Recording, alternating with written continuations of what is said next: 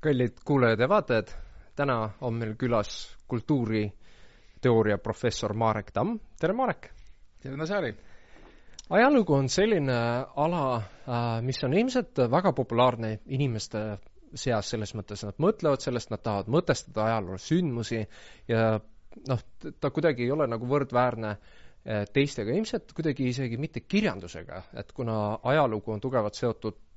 tugevate emotsionaalsete sündmustega, siis igaüks tahab olla selle osa. Äh, milline sisu,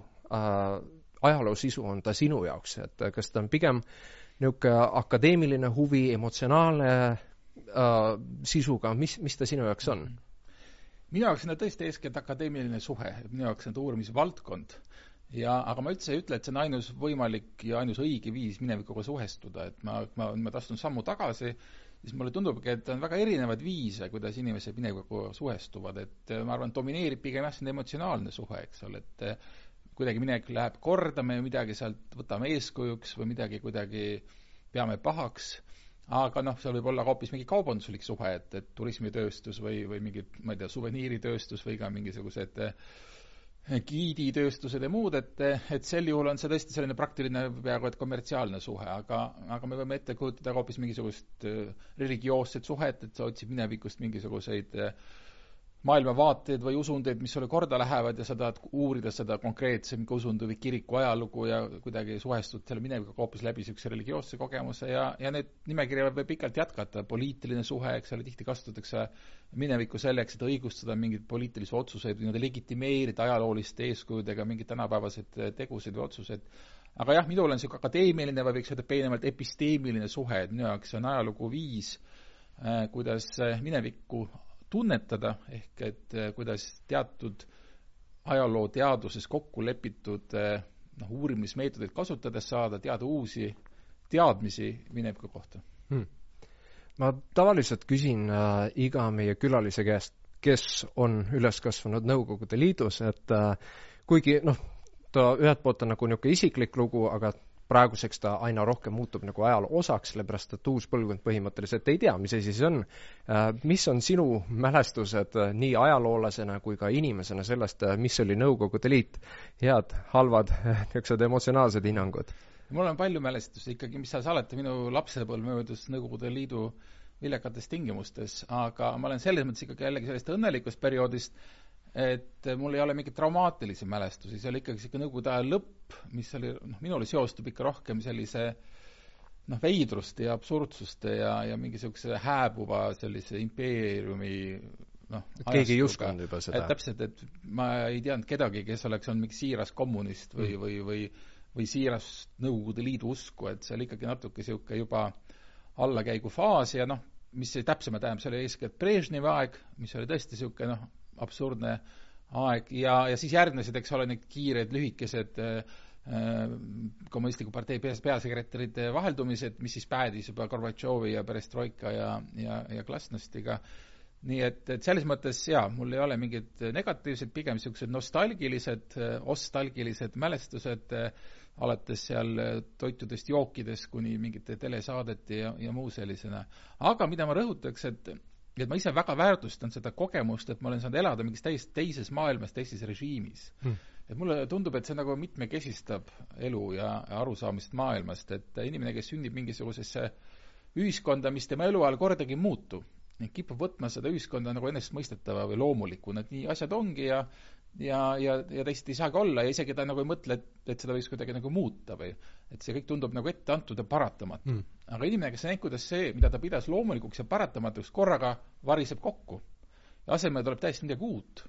et sellele minu meelest palju nagu noh, mingi distantseeritud vaade kogu selle ühiskondlikule mängule. ta saab aru, et see on ikkagi mingis mõttes mäng, et me lepime kokku mingites reeglites, kuidas me siin koos elame, askeldame, kuidas me korraldame valimisi ja jagame mingisuguseid hüvesid ja ametikohti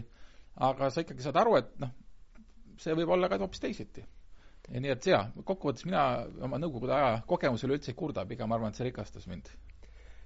tõepoolest tundub, et äh, see, mis on olnud nii-öelda siis kogu Nõukogude perioodi nii-öelda see teine pool, kus on aina rohkem ja rohkem seda olnud, et režiim vaikselt kukub kokku, äh, noh, kuna ilmselt Nõukogude aega saab iga kümne aasta tagant ümber klassifitseerida selles mõttes, et viiekümnendad, kuuekümnendad, nad on noh, ja sealt edasi nad on kõik väga erinevad, alates represseerimis nii-öelda ajaloost kuni, kuni selleni välja, et äh, režiim vaikselt hakkab lagunema äh,. eelmine podcast äh, kus meil käis Jaron Prukk äh, külas, äh, ma ütlesin talle, et kõik minu külalised, kes meenutavad Nõukogude aega, nad meenutavad seda soojalt kuidagi, et see oli rohkem inimlik, seal on vähem niisugust äh, toode, toote ja teenuse mõtlemist siis äh, noh, ja kuna ta on USA päritolu, ilmselt mitte kunagi ei ole kokku puutunud äh, Nõukogude ajaga, siis ta ütles, et see on kõik illusioon. see, see mitte kuidagi, Nõukogude režiim ei saa olla ei hea, et see inimesed noh, kuidagimoodi mäletavad lihtsalt oma noorust hästi, aga kas noh, ma saan aru ühelt poolt, et äh, inimesed, kes äh, midagi uurivad äh, Nõukogude Liidu kohta, nad uurivad neid samusid koledaid lugusid, mis need juhtusid, et ja siis nad arvavad, et seal ei olnud mitte ühtegi niisugust noh, inimlikku ja, ja mid-, midagi sooja, et aga kas sulle tundub, tundub ka, et see inimlikkuse osa on kuidagimoodi muutunud, et äh, me oleme rohkem individu-, individuaalsed, me mõtleme nagu äh, ärilistes kategooriates või kuidas, kuidas see nagu transformatsioon sinu jaoks toimus? jaa, see on ju kõik väga suur ja keeruline teema, et on siit mõningaid nagu osiseid eraldi vaadata, üks on tõesti väga oluline, et Nõukogude aeg ei ole üks tervik. et ikkagi Stalini periood äh, kuni viiekümne kolmanda aastani on, on omaette maailm ja, ja Jušovi sulaaeg on teine maailm ja ja Brežnevi stagnatsiooniaeg on kolmas maailm ja ka see kiirete üleminekute aeg, perestroika aeg on veel neljas või viies aeg, nii et kindlasti ei saa nagu teha kiireid üldistusi, et ikkagi inimesed, kes elasid üle sõjajärgsed koledused, küüditamised ja, ja muud jõhkrused, et noh, on selge, et et, et see on hoopis teine kogemus kui see, kes kasvas üles kaheksakümnendatel, nagu mina mm. -hmm. nii et seda esiteks, et tõesti tuleb väga täpselt periodiseerida, et mis aastatest me räägime, kui me räägime Nõukogude perioodist. ja, ja teine asi on see, et, et et ma, mina isiklikult kindlasti ei taha kuidagigi jätta muljet, et Nõukogude aeg oli kuidagi nagu, noh, mis mõttes nagu hea aeg. et, et isegi sel ajal, kui mina üles kasvasin, ikkagi oli, oli jäledusi ümberringi väga palju ja juba lapsena ma sain sellest aru, et sellist mm. ebaausat konjunkturistlikku käitumist oli väga palju, hästi palju oli niisugust võltsi ja, ja niisugust noh, kroonulikkust ja, ja, ja et kui ma ütlen, et, et mina, ma hindan seda Nõukogude kogemust, siis ma hindan mitte selles mõttes, et seal oli midagi väga palju head, vaid lihtsalt ajaloolise kogemusena, et annab mulle mingi perspektiivi, mille pealt võrrelda siis teisi ühiskondlikke režiime, kuhu ma olen sattunud elama. nii et jah, et, et jääks kõlama mõte, et, et mul on nagu mingi nostalgia selles mõttes, et tahaks nagu tagasi pöörduda, et et mina ei võtaks sealt Nõukogude ajast vist mitte midagi tänapäeva kaasa, et selles mõttes. aga nüüd kolmandaks on selge, et, et elu sellises Nõukogude sotsialistlikus ühiskonnas oli siiski mitmes mõttes teistsugune kui elu sellises kapitalistlikus ühiskonnas praegu, et, ikkagi rida alusväärtused olid teised, ma jällegi rõhutan, et Nõukogude väärtused olid tihti võltsid, aga, ja niisugused deklaratiivsed, mitte alati nagu läbitunnetatud ja, ja tegelikult elatud, aga, aga on selge, et, et ikkagi avalikus ruumis ei tõstetud esile sellist eh, teineteise üle trumpamist ja paljaks koorimist ja rikastumist ja, ja niisugused glamuurset elu ja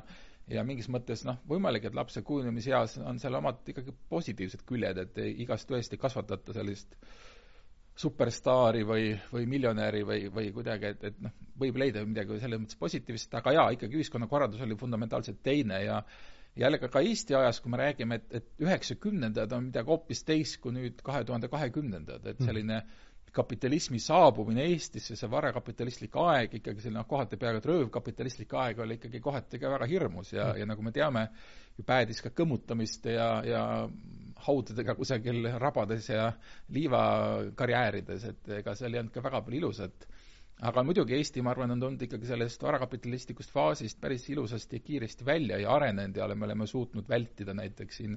mingit oligarhia teket või, või suuremat korruptsiooni teket, nagu nii mõneski teises endises Nõukogude Liidu äh, vabariigis. aga jaa äh,, loomulikult see kapitalistlik ühiskond, kus me nüüd elame, ei ole ka mingi ideaalühiskond, et siin leiab palju kritiseerimisväärset ja ja, ja, ja ma arvan, et või väga loodan, et me ei, oma arengus seisma ei jää või et, et kindlasti me peaks liikuma ikka veel õiglasema, veelgi võrdsemaid võimalusi pakkuva ja mingis mõttes ka solidaarsema ühiskonna poole, kui me praegused oleme hmm sa ühes teises intervjuus ütlesid sellist äh,, ütlesid sellise fraasi, et sind huvitavad äh, sündmused ja ajaloolised sündmused nii, nagu nad tegelikult olid. ja me praegu näeme äh, meie ajal põhimõtteliselt äh, noh, niisugust suurt tugevat äh, ajaloolist sündmust, mis toimub praegu Ukrainas, ja siis ma olen alati mõelnud selle koha pealt, et noh, kuidas oleks võimalik praegu mitte, mitte vaadates ajalukku, vaid kuidagimoodi nagu kirjeldada ja noh, see, see on, see on nagu tundub kuidagi nagu hoomamatu tegevus, et kuidas sa neid asju kokku paned, et ühelt poolt kuidas on võimalik kirjeldada seda, mis toimub praegu, ja teistpidi, kui on juba sadu aastaid läinud edasi, siis objektiivne pilt kuidagi sealt üles korjata. no kõigepealt muidugi see mõte, et tuleb ajaloolisi sündmusi uurida, nagu nad tegelikult olid, ei kuulu mulle, vaid sellisel kujul ta sõnastas seksuaalteaduse alusepõhjad Leopold von Ranke juba üheksateistkümnenda sajandi keskpaiku. ja see on jäänud nagu sellise ajalooteaduse deviisiks, aga ma ise suhtun sellesse tegelikult pigem kriitiliselt mm., et see on küll teatav selline kuidas öelda, regulatiivne ideaal, et igal ambitsioon, ambitsioon, et ta mm. ikkagi noh, peab püüdlema selle poole, et võimalikult hästi aru saada, kuidas asjad toimusid ja miks toimusid ja miks mitte teisiti ja nii edasi, aga samas sisimas iga ajalooline teab, et see jääb kätte püüsmatuks ideaaliks ja ja ikkagi ajalugu minu jaoks on ennekõike tõlgendav teadus, et ta eristub selle poolest paljudest looduse täppisteadustest, kus tõepoolest me saame väita, et me tuvastame mingi loodusseaduse või mingi paratamatuse, mida võimalik ka noh, laboratoorselt kontrollida või, või kuidagi eksperimentaalselt tõestada, ajaloos siis me ikkagi pakume välja erinevaid tõlgendusi mineviku kohta ja, ja need tõlgendused on alati allutatud uutele tõlgendustele ja mitte ükski ajalootõlgendus ei jää kunagi lõpuni püsima. See on selline pidev loov mineviku tõlgendamise protsess ja nüüd küsimus on selles, et et iga tõlgendus ei ole võrdne. mõni tõlgendus on palju veenvam, argumenteeritum, põhineb palju laiaulatuslikumal tõendusmaterjalil,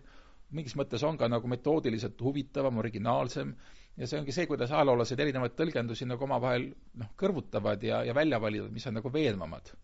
et see on selline pidev sõelumisprotsess ja aga, aga nad kõik jäävad äh, tõlgendusteks, isegi kui mõni tõlgendus on nii veenev, et püsib võib-olla aastakümneid, kui mitte sajandeid. Aga nii, nagu me ei suuda tõepoolest ka olevikku kunagi nagu lõplikult sõnadesse püüda, et, et see, mis toimub praegu Ukrainas, me tõlgendame seda ikkagi igaüks oma nagu elukogemusest, oma väärtushinnangutest, oma teadmistest lähtuvalt. Ja ja, ja mis võtame midagi lihtsamat, kui näiteks me satume mingi autoõnnetuse tunnistajaks ja, ja seda on eksperimentaalselt kontrollitud, siis noh, iga tunnistaja kirjeldab seda sündmust erinevalt mm. -hmm ja, ja kunagi ei saa öelda, et nüüd on meil olemas selle sündmuse nagu totaalne ammendav kirjeldus, et ta jääb alati vaatenurgast sõltuvaks ja kogemustest, väärtustest ja ka noh, tea, kognitiivsest aparaadist, kui kaugele keegi näeb, kui hästi kuuleb, eh, seotuks. ja nii on ka minevikutõlgenduste puhul, et, et selles mõttes ei ole tegelikult suurt vahet, kas kirjeldada sündmust, mis juhtub nüüd ja praegu, või seda, mis juhtus ammu. Suur erinevus on muidugi see, et, et see ammu sündmust, ammu toimunud sündmust me saame ainult tõlgendada, uurida äh, nende jälgede põhjal, mis ta nendest jätnud, mida me ajaloos nimetame allikateks. ja mõni sündmus ei jätagi endast jälgi ja tegelikult sellega ta jääb nagu ajaloolase huvi orbiidist välja, sest et me ei saa uurida mineviku sündmusi, mille kohta pole allikaid. ja, ja olgem ausad, ma võtan lambist, aga ma pakun et, et üheksakümmend viis protsenti ajaloosündmustest mööduvad jälgi jätmata ja ei kuulu selles mõttes ajalukku. Ajalugu ikkagi selekteerib välja mingisugused olulised asjad, sündmused, isikud, nähtused, protsessid, mis on esiteks oluliseks peetavad ja teiseks, mille kohta on piisavalt tõestusmaterjali. kas tehnoloogia suudab meile tulevikus pakkuda mitmekesisemat nii-öelda ajalugu, kui ma tahaksin nii-öelda pärida oletame, tehisintellekti käest, et anna mulle neli tõlgendust selle kohta, mis toimus aastal mhm. tuhat, tähendab kaks tuhat kakskümmend kaks. et kas, kas sa seda poolt näed, et selline granulaarne äh, Äh, logimine, ütleme niimoodi, nendest andmetest, et äh, kas ta võimalik, et muudab kuidagimoodi meie ajalugu? see on jah, põnev teema ja selle üle praegu arutatakse ajalooteaduses päris intensiivselt, et mida ikkagi see uus eh, digitehnoloogia teeb ka meie ajalooteadmiste ja ajaloo uurimisega. Ja seal on nüüd väga palju erinevaid seisukohti, erinevaid stsenaariumeid, aga kui sealt liikuma hakata, siis muidugi esimene väga suur arenguperspektiiv on allikmaterjali digiteerimine. ja, ja siis kui, kui see allikmaterjal saab digiteeritud ja see töö on veel palju ees, siis järgmine küsimus on, et kas me suudame välja töötada ja tegelikult töö juba käib, erinevad programmid, rakendused, mis suudavad siis neid digiteeritud materjale automaatselt lugeda. Alates, eks ole, noh, lihtsalt, lihtne on see, eks ole, et trükitekstide puhul niisugused tärktuvastusega programmid on olemas, mis lihtsalt muudavad selle trükiteksti ar-, masinale loetavaks ja arusaadavaks ja otsitavaks, aga, aga praegu on ka väga kiiresti arenemas nii-öelda käsikirjaliste tekstide tuvastusrakendused äh,. ehk siis on võimalik mingeid äh, algoritme või, või selliseid masinõppeprogramme äh, noh, harjutada mingisuguse käsikirja lugemisega mm., nii et ta alguses mingi treenitud materjali peal omandab selle käekirja eripärad ja siis suudab juba sekundiga kogu selle materjali nagu äh, ümber transkribeerida siis nii-öelda masinloetavaks tekstiks. ja jällegi võib-olla konteksti loomiseks, et, et maailmas on tohutult palju arhiive. ja, ja nendes arhiivides on tohutu hulk materjale ja, ja taas ilma igasuguste statistikate kõhutunde põhjalt ma ütlen, et sellest maailma arhiivides leiduvatest allikatest on ajaloolased füüsiliselt läbi vaadanud mõni protsent. Kui sedagi. kui sedagi. et, et tohutu massiiv informatsiooni lamab kusagil arhiiviriiulites ja seda nii palju, et seda lihtsalt ei ole inim-, noh, suutlikkus ei suuda seda äh, läbi töötada. nüüd, kui me kujutame ette olukorda, et nad esiteks kõik digiteeritakse ja selles suunas me liigume väga kiiresti, teiseks, äh, et kõik need tekstid on võimalik muuta masinloetavaks, ja kolmandaks, et me suudame välja arendada tõepoolest mingeid tehisintellekti rakendusi või muid, mis siis suudaksid äkki ka nendest tekstidest mingit noh, ma ei tea, struktuuri leida või kuidagi mingisuguseid mustreid, mustreid ja mm, -hmm. ja nii edasi. Ja, ja ma ei välista, et see kunagi saabub, et praegu meil on sinna veel pikk tee minna. Äh, aga ühel hetkel ma arvan, see muutub järjest olulisemaks, selline, seda nimetatakse mõnikord ka nagu algoritmiliseks ajalooks või, või kuidas siis ajaloolased ees teevad mingis mõttes mingid algoritmid tööd, otsivad mingeid mustreid ja asju aga ma siiski olen veendunud, et päris lõpuni ükski, ükski algoritm, ükski programm ei asenda ajaloolast, just nimelt sellepärast, et nagu ma alustasin, ajaloolase töö on ikka olemuselt tõlgendus, ta on nii-öelda kvalitatiivne töö. ja, ja sellises puhtas kvalitatiivses töös ei ole, vähemalt siiani, arvatud kõige tugevamad. Nad ikkagi, ikkagi on pigem sellise kvantitatiivse külje pealt, nad suudavad noh, täpselt näha mustreid või, või arvutada kokku mingisuguseid andmeid, aga kui tegemist on mingi ühe inimese mingisuguse äh, mingite valikute või mingite väärtushinnangute ja muudega, et seda ei, seda ei suuda masin vähemalt siiamaani üles leida või ära tõlgendada, nii et, et kindlasti inimroll jääb, aga ma kujutan ette, et tulevik kuulub sellele koostööle. ütleme, professionaalse ajaloolase ja siis erinevate tehisintellektide koostööle. sest teatud mõttes, noh, ideaal on olnud see, et me võtame alati inimese välja ja laseme masinasse kõik andmed mm -hmm. ja siis meil on enam-vähem objektiivne pilt, et äh, ma panen sinna sisse Stalini, siis ta annab mulle Ameerika perspektiiv, Saksamaa perspektiiv, Nõukogude Liidu perspektiiv ja siis äh, ta noh, põhimõtteliselt näitabki mulle välja, mis on need võimalikud inter-, interpretatsioonid ja siis pane sa oma siis arusaamine kokku. et aga ma saan aru, et äh, siin on rahaline küsimus äh, tähtis, et äh, noh, kõik need komputatsioonid on kallid ja siis neil peaks olema mingisugune ka sotsiaalne ilmselt äh, väljund ka peale selle, et nad on lihtsalt lõbusad projektid. ja ma arvan, isegi raha taha see ei jääks, aga pigem jääb selle taha, et et taas sellise ajaloolase töö aluspõhimõtete juurde naastes, et, et see tõlgendamine, mineviku tõlgendamine toimub alati mingis ajas ja mingis ruumis hmm.. ja, ja see, kuidas me minevikku mõistame, mida me peame minevikust oluliseks see alati sõltub sellest, kus me parasjagu elame. ja, ja selles mõttes äh, ei ole olemas mingit universaalset näiteks üle aegade kehtivat, äh, ma ei tea, Saksa või, või Ameerika vaadet näiteks Stalinile. et Stalini pärandit, Stalini tegude hindamine, ümberhindamine käib igapäevaselt mingis mõttes ja mm, -hmm. ja, ja see ongi tegelikult ju äh, sest no, uued materjalid tulevad välja. täpselt, uued, aga ka uued sündmused, näiteks et pärast Ukraina konflikti me hoopis teise pilguga vaatame mingeid varasemaid sündmusi mm, -hmm. näiteks Ukraina ajaloost. kogu aeg lisandub uus informatsioon, sunnib meid revideerima varasemat informatsiooni mm. -hmm. ja, ja, ja selles mõttes see tõlgendusprotsess ei lõppe mitte kunagi, isegi ei peatu mitte kunagi, et see on igavene protsess ja miks ma ütlen loomulik, sest võib ju küsida üldse, et milleks me seda minevikku uurime, noh, mida see meile annab, et me igapäevases elus ju noh, ausalt öeldes mitte midagi, et äh, see ei tee mind kuidagi majanduslikult rikkamaks või tingimata ka õnnelikumaks. Need on, need on lood, mis, äh, mis võivad osutuda inimeste jaoks tähtsateks. vot täpselt, et me ikkagi uurime seda minevikku enda pärast, nende inimeste pärast, kes elavad nüüd ja praegu. et mida nemad sellest saavad ja selles mõttes see, kui mingisugune hüpoteetiline robot suudab meile nii-öelda kogu tõe ära seletada, kui see mind ei kõneta, siis see on tühi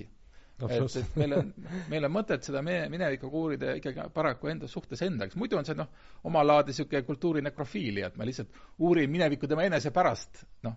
see ei ole isegi et, raskesti ettekujutatav, et inimene on alati ikkagi terviklik ja ja oma huvide, oma väärtuste, oma emotsioonidega ja, ja see minevik peab ikkagi teda kõnetama no ilmselt see, see kogu mõttekäik on tingitud sellest, et äh, alati on selline kriitika, aga see on ju kõigest inimese tõlgendus ja siis noh, ideaalis ongi see, et äh, palun sulle üks äpp, on ju, mis annab sulle kogu selle kupatuse, noh, tee ise siis see järeldus. no aga see on kõigest äpi tõlgendus nojah, ta annab sulle loomulikult lihtsalt granulaarset mingisugust infot, äh, mis loomulikult ei anna sulle mitte mingisugust äh, nii-öelda perspektiivi ja, ja. tõlgendust. üks teine võrdpilt pilt, mis aitab seda probleemi hästi seletada, kunagi üks Argentiina kirjanik Borges kirjutas novelli ühest natuke hullust keisrist, kes tahtis, et tema keisririigist koostataks maakaart suhtega üks-ühele mm.. et kirjutas kõik üles, mis ta valdused on, et täpselt üks-ühele. ja noh, nagu Hameta võib, see hästi ei lõppenud, kogu impeerium kattus maakaardi alla. ja nüüd kujutame ette, et tahaks kirjutada ajaloo üles nii, nagu ta täpselt oli, üks-ühele yeah. me sureks ära selle info kätte et, et me ei suuda isegi omaenda päeva üks-ühele või jumal tänatud, ei suuda mäletada. et me peame selekteerima, peame kogu aeg ümber tõlgendama ja, ja tegema olulisi valikuid ja, ja selles mõttes noh, tihti ju heidetakse ette, ma ei tea, ajaloolastele või kellelegi teisele, et et käib ajaloo ümberkirjutamine, et see on nagu negatiivne aga see on tegelikult kõige loomulikum asi, ajaloo ümberkirjutamine on igapäevane loomulik tegevus ja ajaloolastele makstakse palka selle eest, et nad minevikku kogu aeg ümber kirjutaks selle, see on kusjuures mitte väga triviaalne mõte, sest äh, äh, vastupidiselt on ta pigem positiivne nähtus, sellepärast et sa saad alati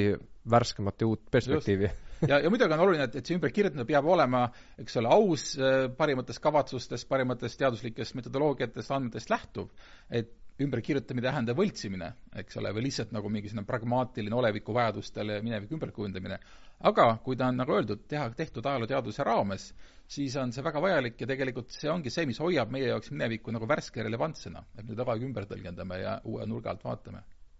Ühelt poolt äh, noh, ajalugu, noh, kõik on ilmselt sellega nõus, et ajalugu on vajalik, me peame seda uurima, aga teistpidi äh, seesama Äh, hoiak, et äh, noh, see kogu aeg,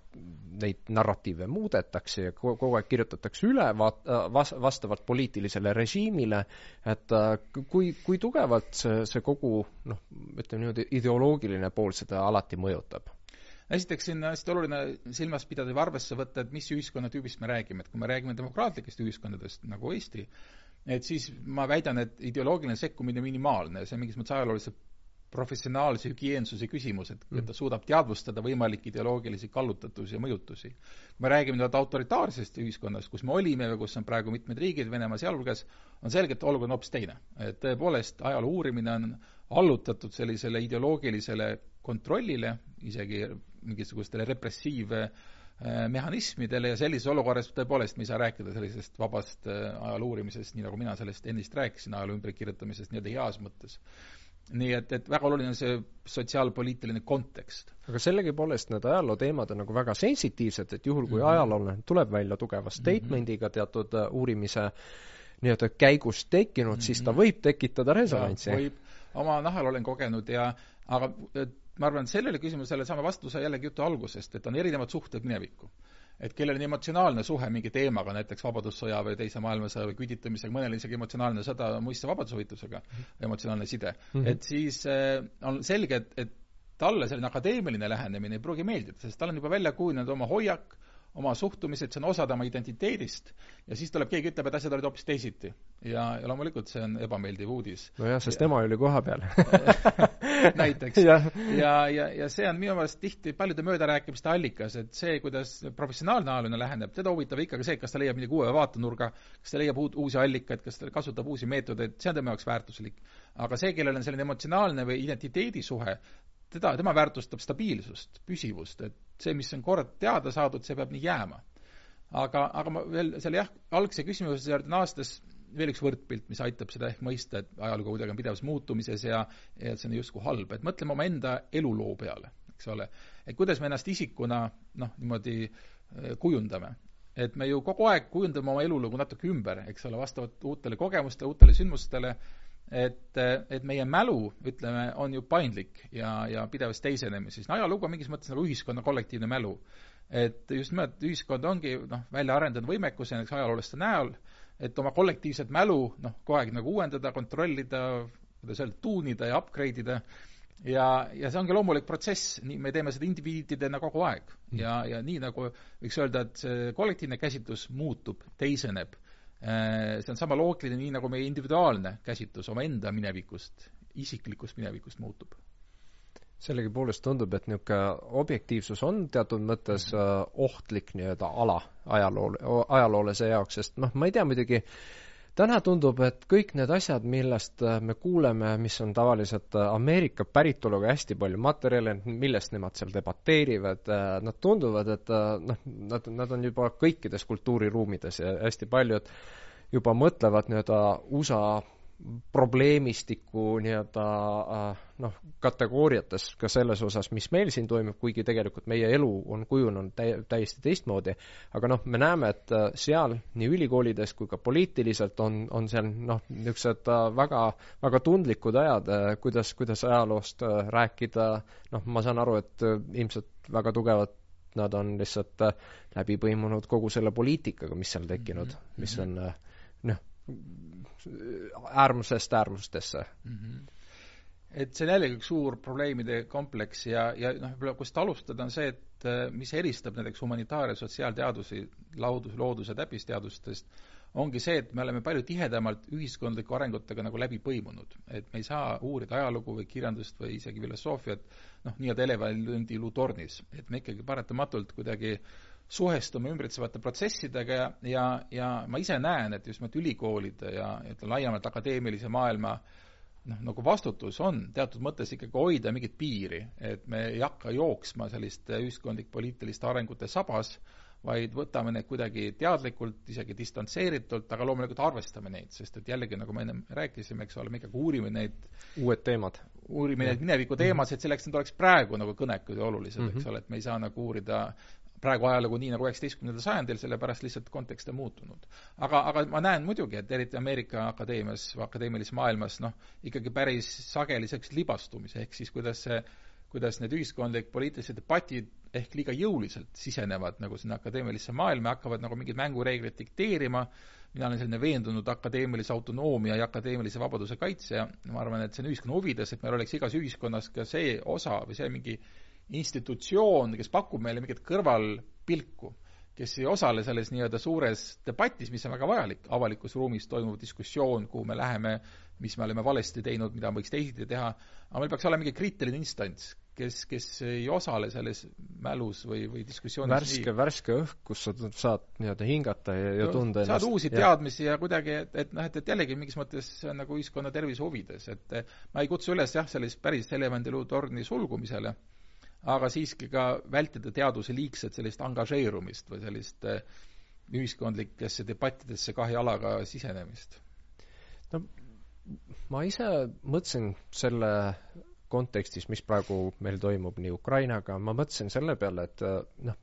miks need ajaloolised protsessid või tähendab, eh, on läinud just sedapidi, et meie tegelikult Eestis oleme võrdväärselt äh, sama, ütleme niimoodi, riskitasemes, et meil on na-, täpselt seesama naaber ja meil on olemas täpselt seesama probleem, mis puudutab sisemiselt äh, näiteks venelaste osakaalu, aga Eesti on läinud noh, teist teed pidi, just sama, needsamad argumendid, mis puudutavad teaduse nii-öelda avatust ja ausust ja korruptsioonist nii-öelda noh, ja ol-, oligarhaadist nii-öelda eemaldumist, et äh, kas sulle tundub, et noh, need on äh, need väärtused, mis on aidanud mei-, noh, meil, meil olla ühelt poolt nagu iseseisvad, aga noh, mitte iseennast nagu kuidagi ära müüa. jaa, see on väga oluline ja, ja teistpidi keeruline teema, et mis on nagu selle Eesti idee noh, seletus või kuidas, võiks esitada, miks Eestil on läinud ikkagi nii hästi. ja ma arvan, et siin ei ole nagu ühte vastust, aga nagu erielemendid, ma arvan, et näiteks kusagilt alustada äh, ikkagi päris olulist rolli on mänginud Eesti pikaaegne kuulumine sellise saksa kultuuriruumi. Mm.. et me oleme ikkagi oma sellises rahvuslikus enesepildis väga palju noh, olnud väga kriitilised sellele saksa pärandile, et selline seitsmesaja aastane orjaöö ja nii edasi ja ega seal oligi väga palju inetut ja, ja seda ei saa üldse kuidagi salata või alahinnata, aga siiski see ütleme, Balti-Saksa äh, ühiskondlik ja kultuuriline eliit äh, noh, pakkus mingisuguse kogemuse, mingid raamid, mis ma arvan, mingis mõttes kannavad meid siiamaani, et, et et meil oli ikkagi selline mõttes noh, kultuuriliselt arenenud piirkond ja, ja kui me vaatame seda need varast Eesti haritlaste põlvkonda, ega nad ei tulnud ju tühjale kohale, nad ikkagi tulid läbi selle teatava integreerumise Balti-Saksa eliiti mm., tihti see tähendas ka keelevahetust, väga paljud esimesed Eesti haritlased ju rääkisid ka kodus saksa keelt ja ja seda võib ette heita, aga tegelikult see oli see noh, eeskuju, mida matkida ja läbi mille ise areneda. et, et me ei pidanud otse hüppama nii-öelda talupojast aadlikuks, meil olid oma aadlikud, keda matkida ja, ja, ja kelle eeskuju najal siis edasi pürgida, nii et see on üks tasand, et et me ei tulnud päris niimoodi metsast, vaid meil oli ikka väga arenenud tsivilisatsioon siin. haridus ja aus töö. näiteks aga, aga näiteks veel hilisemast ajast, ma arvan, ka Nõukogude perioodi kontekstis me ei saa alahinnata, eks ole, Soome mõju ja laiemalt Põhjamaade mõju. Hmm.. et me olime ikkagi väga tihedalt sellises noh, ühises teatavas inforuumis, et see on jällegi isiklik kogemus ja sellest on palju räägitud, et Soome televisiooni tähtsus mm, -hmm. eks ole,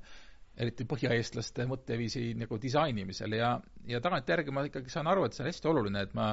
noh, vaatasin ikkagi Soome televisiooni rohkem kui Eesti ja Vene Nõukogude televisiooni. Ja ja, ja, ja see, kuidas öelda, arusaam kapitalistlikust ühiskonnast tuli läbi, eks ole, Soome televisiooni ja ja mingitest poliitilistest väärtustest. Ja nii et ma arvan, et see on nagu mingisugune lisaelement, mis näiteks polnud Ukrainas või mõnes teises äh,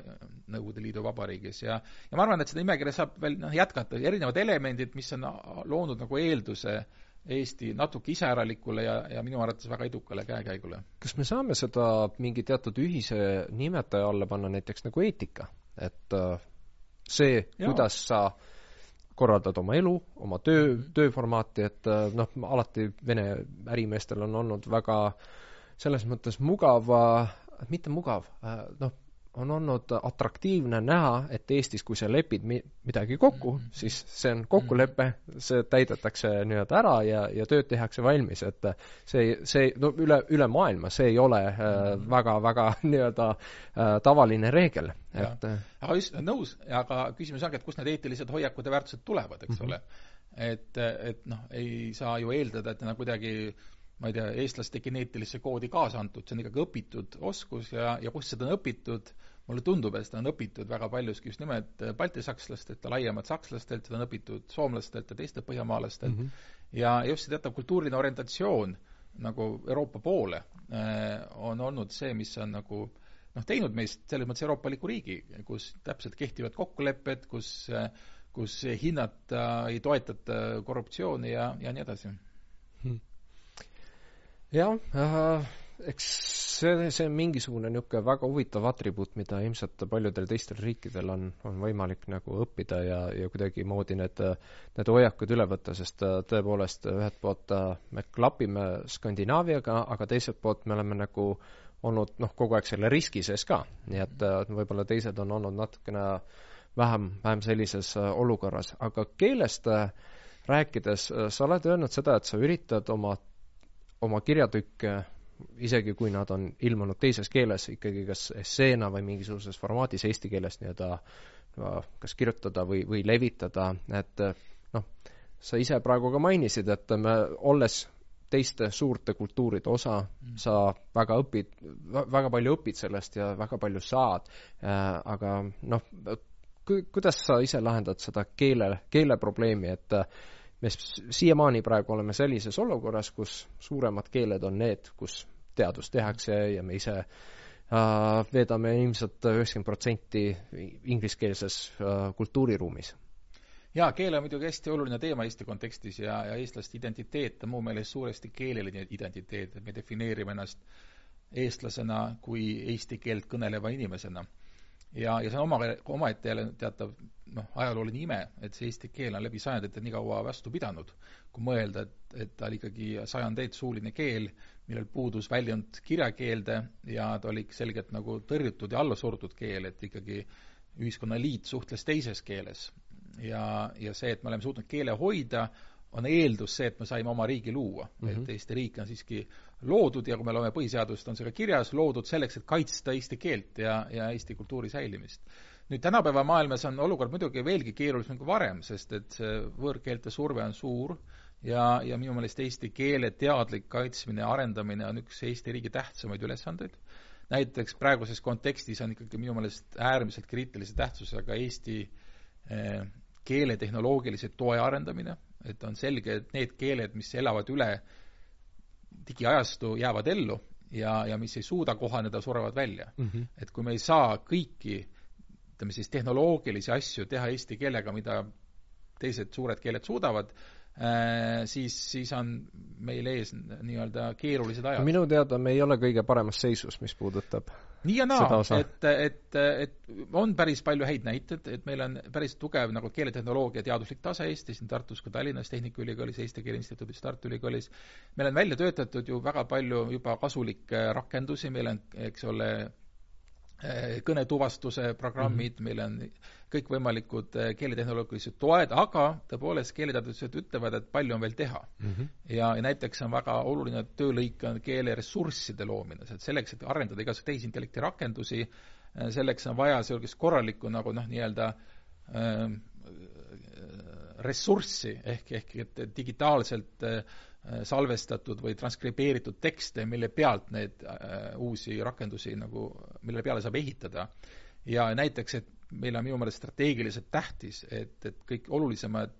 seadmed, näiteks kui me mõtleme asjade internetile tulevikus ja isesõitvatele autodele, et kõik suudaksid meiega suhelda eesti keeles. sest niipea, kui meil tekivad iserääkivad külmkapid ja mikrouunid ja autod ja nad suhtlevad meile inglise keeles, äh, ja kasvab üles põlvkond, kes harjub igapäevaselt oma masinatele või oma tea, laudadele, toolidele piltlikult andma ingliskeelseid käsklusi,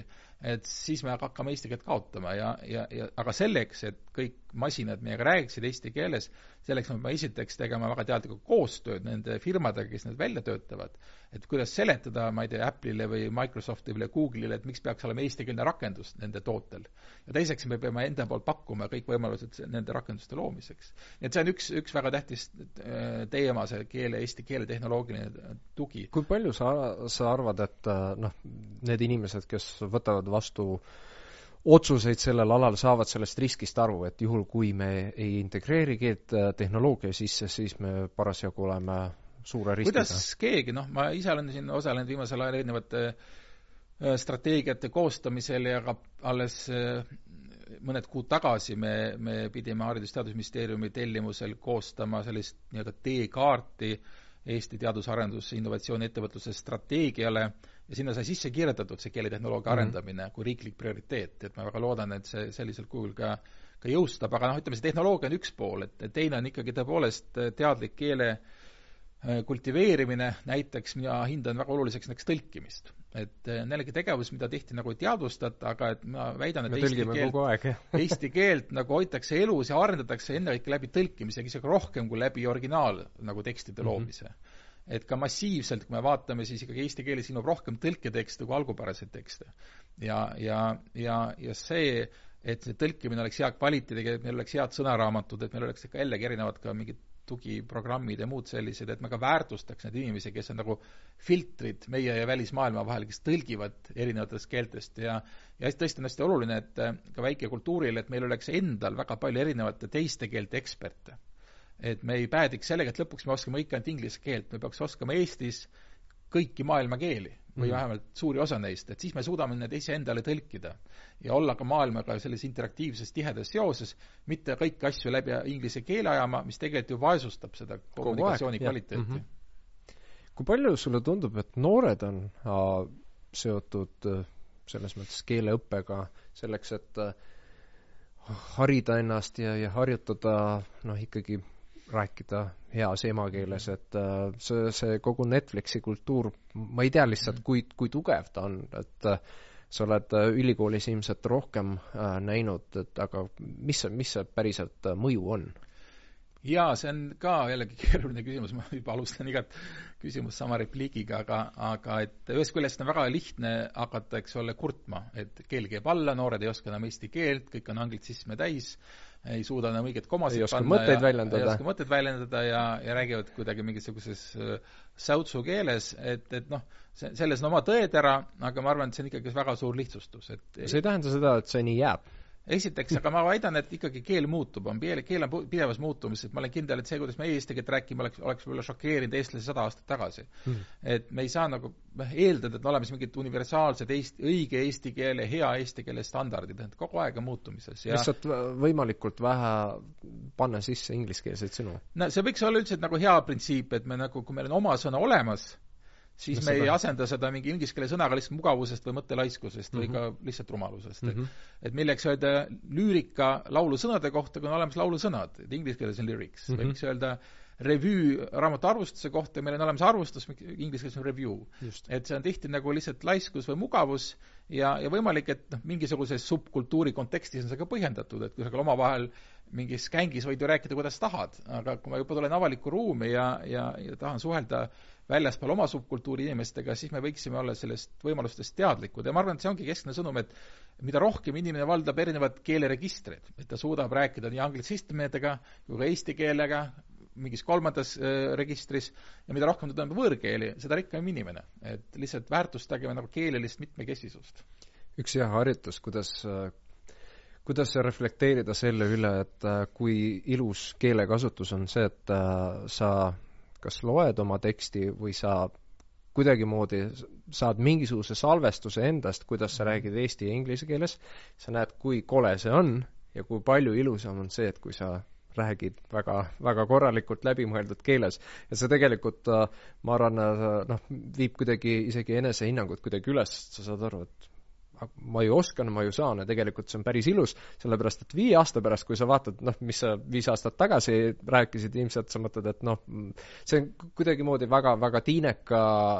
noh, sugune niisugune släng, kus sa paned sinna neid sisse, et noh, ma, ma mingi hetk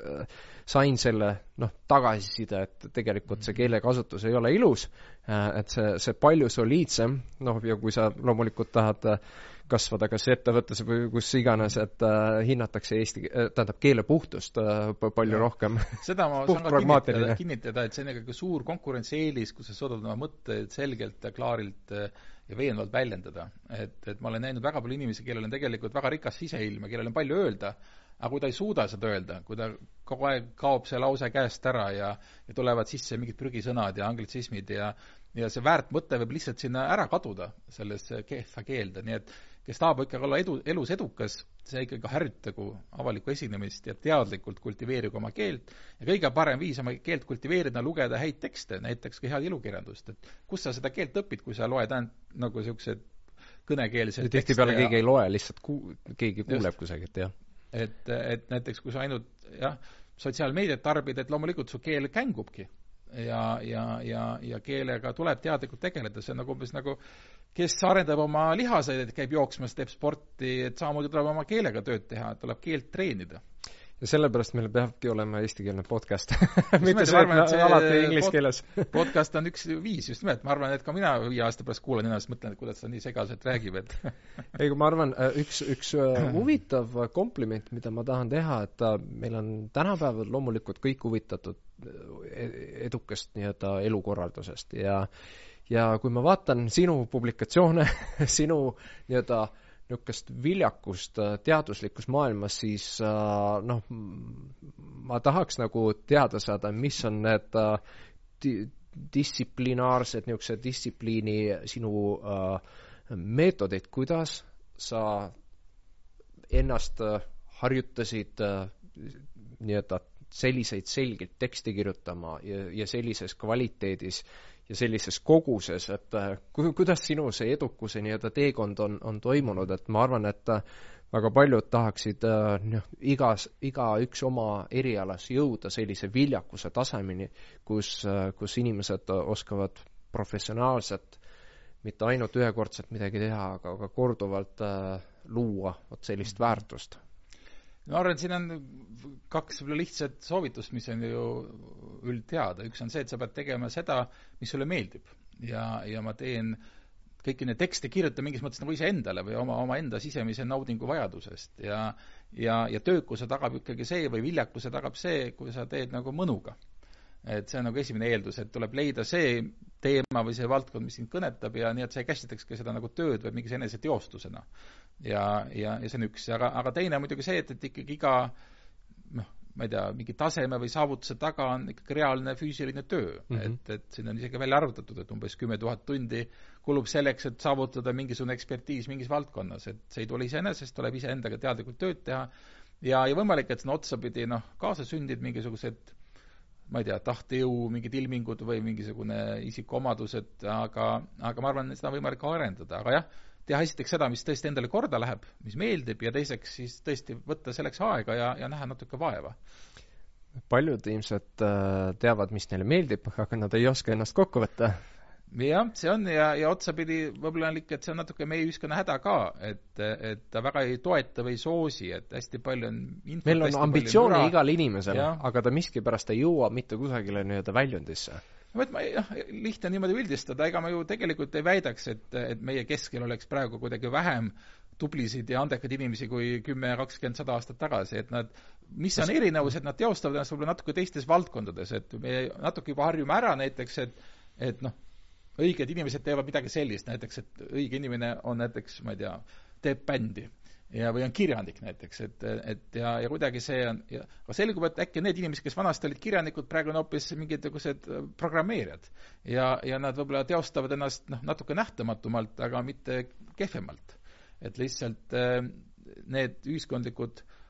rollid, mida mingis mõttes aeg meile pakub, muutuvad ja, ja inimesed teostavad ennast erinevates valdkondades ja me ei tohi jääda kinni mingitesse stampidesse, et et õige eneseteostus on siis, kui sa kirjutad romaane või, või luuletusi või teed bändi.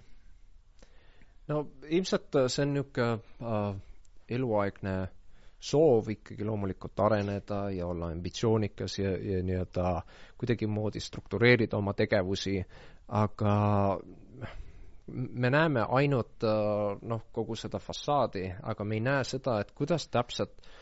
niisugused äh, viljakad kirjanikud või teadlased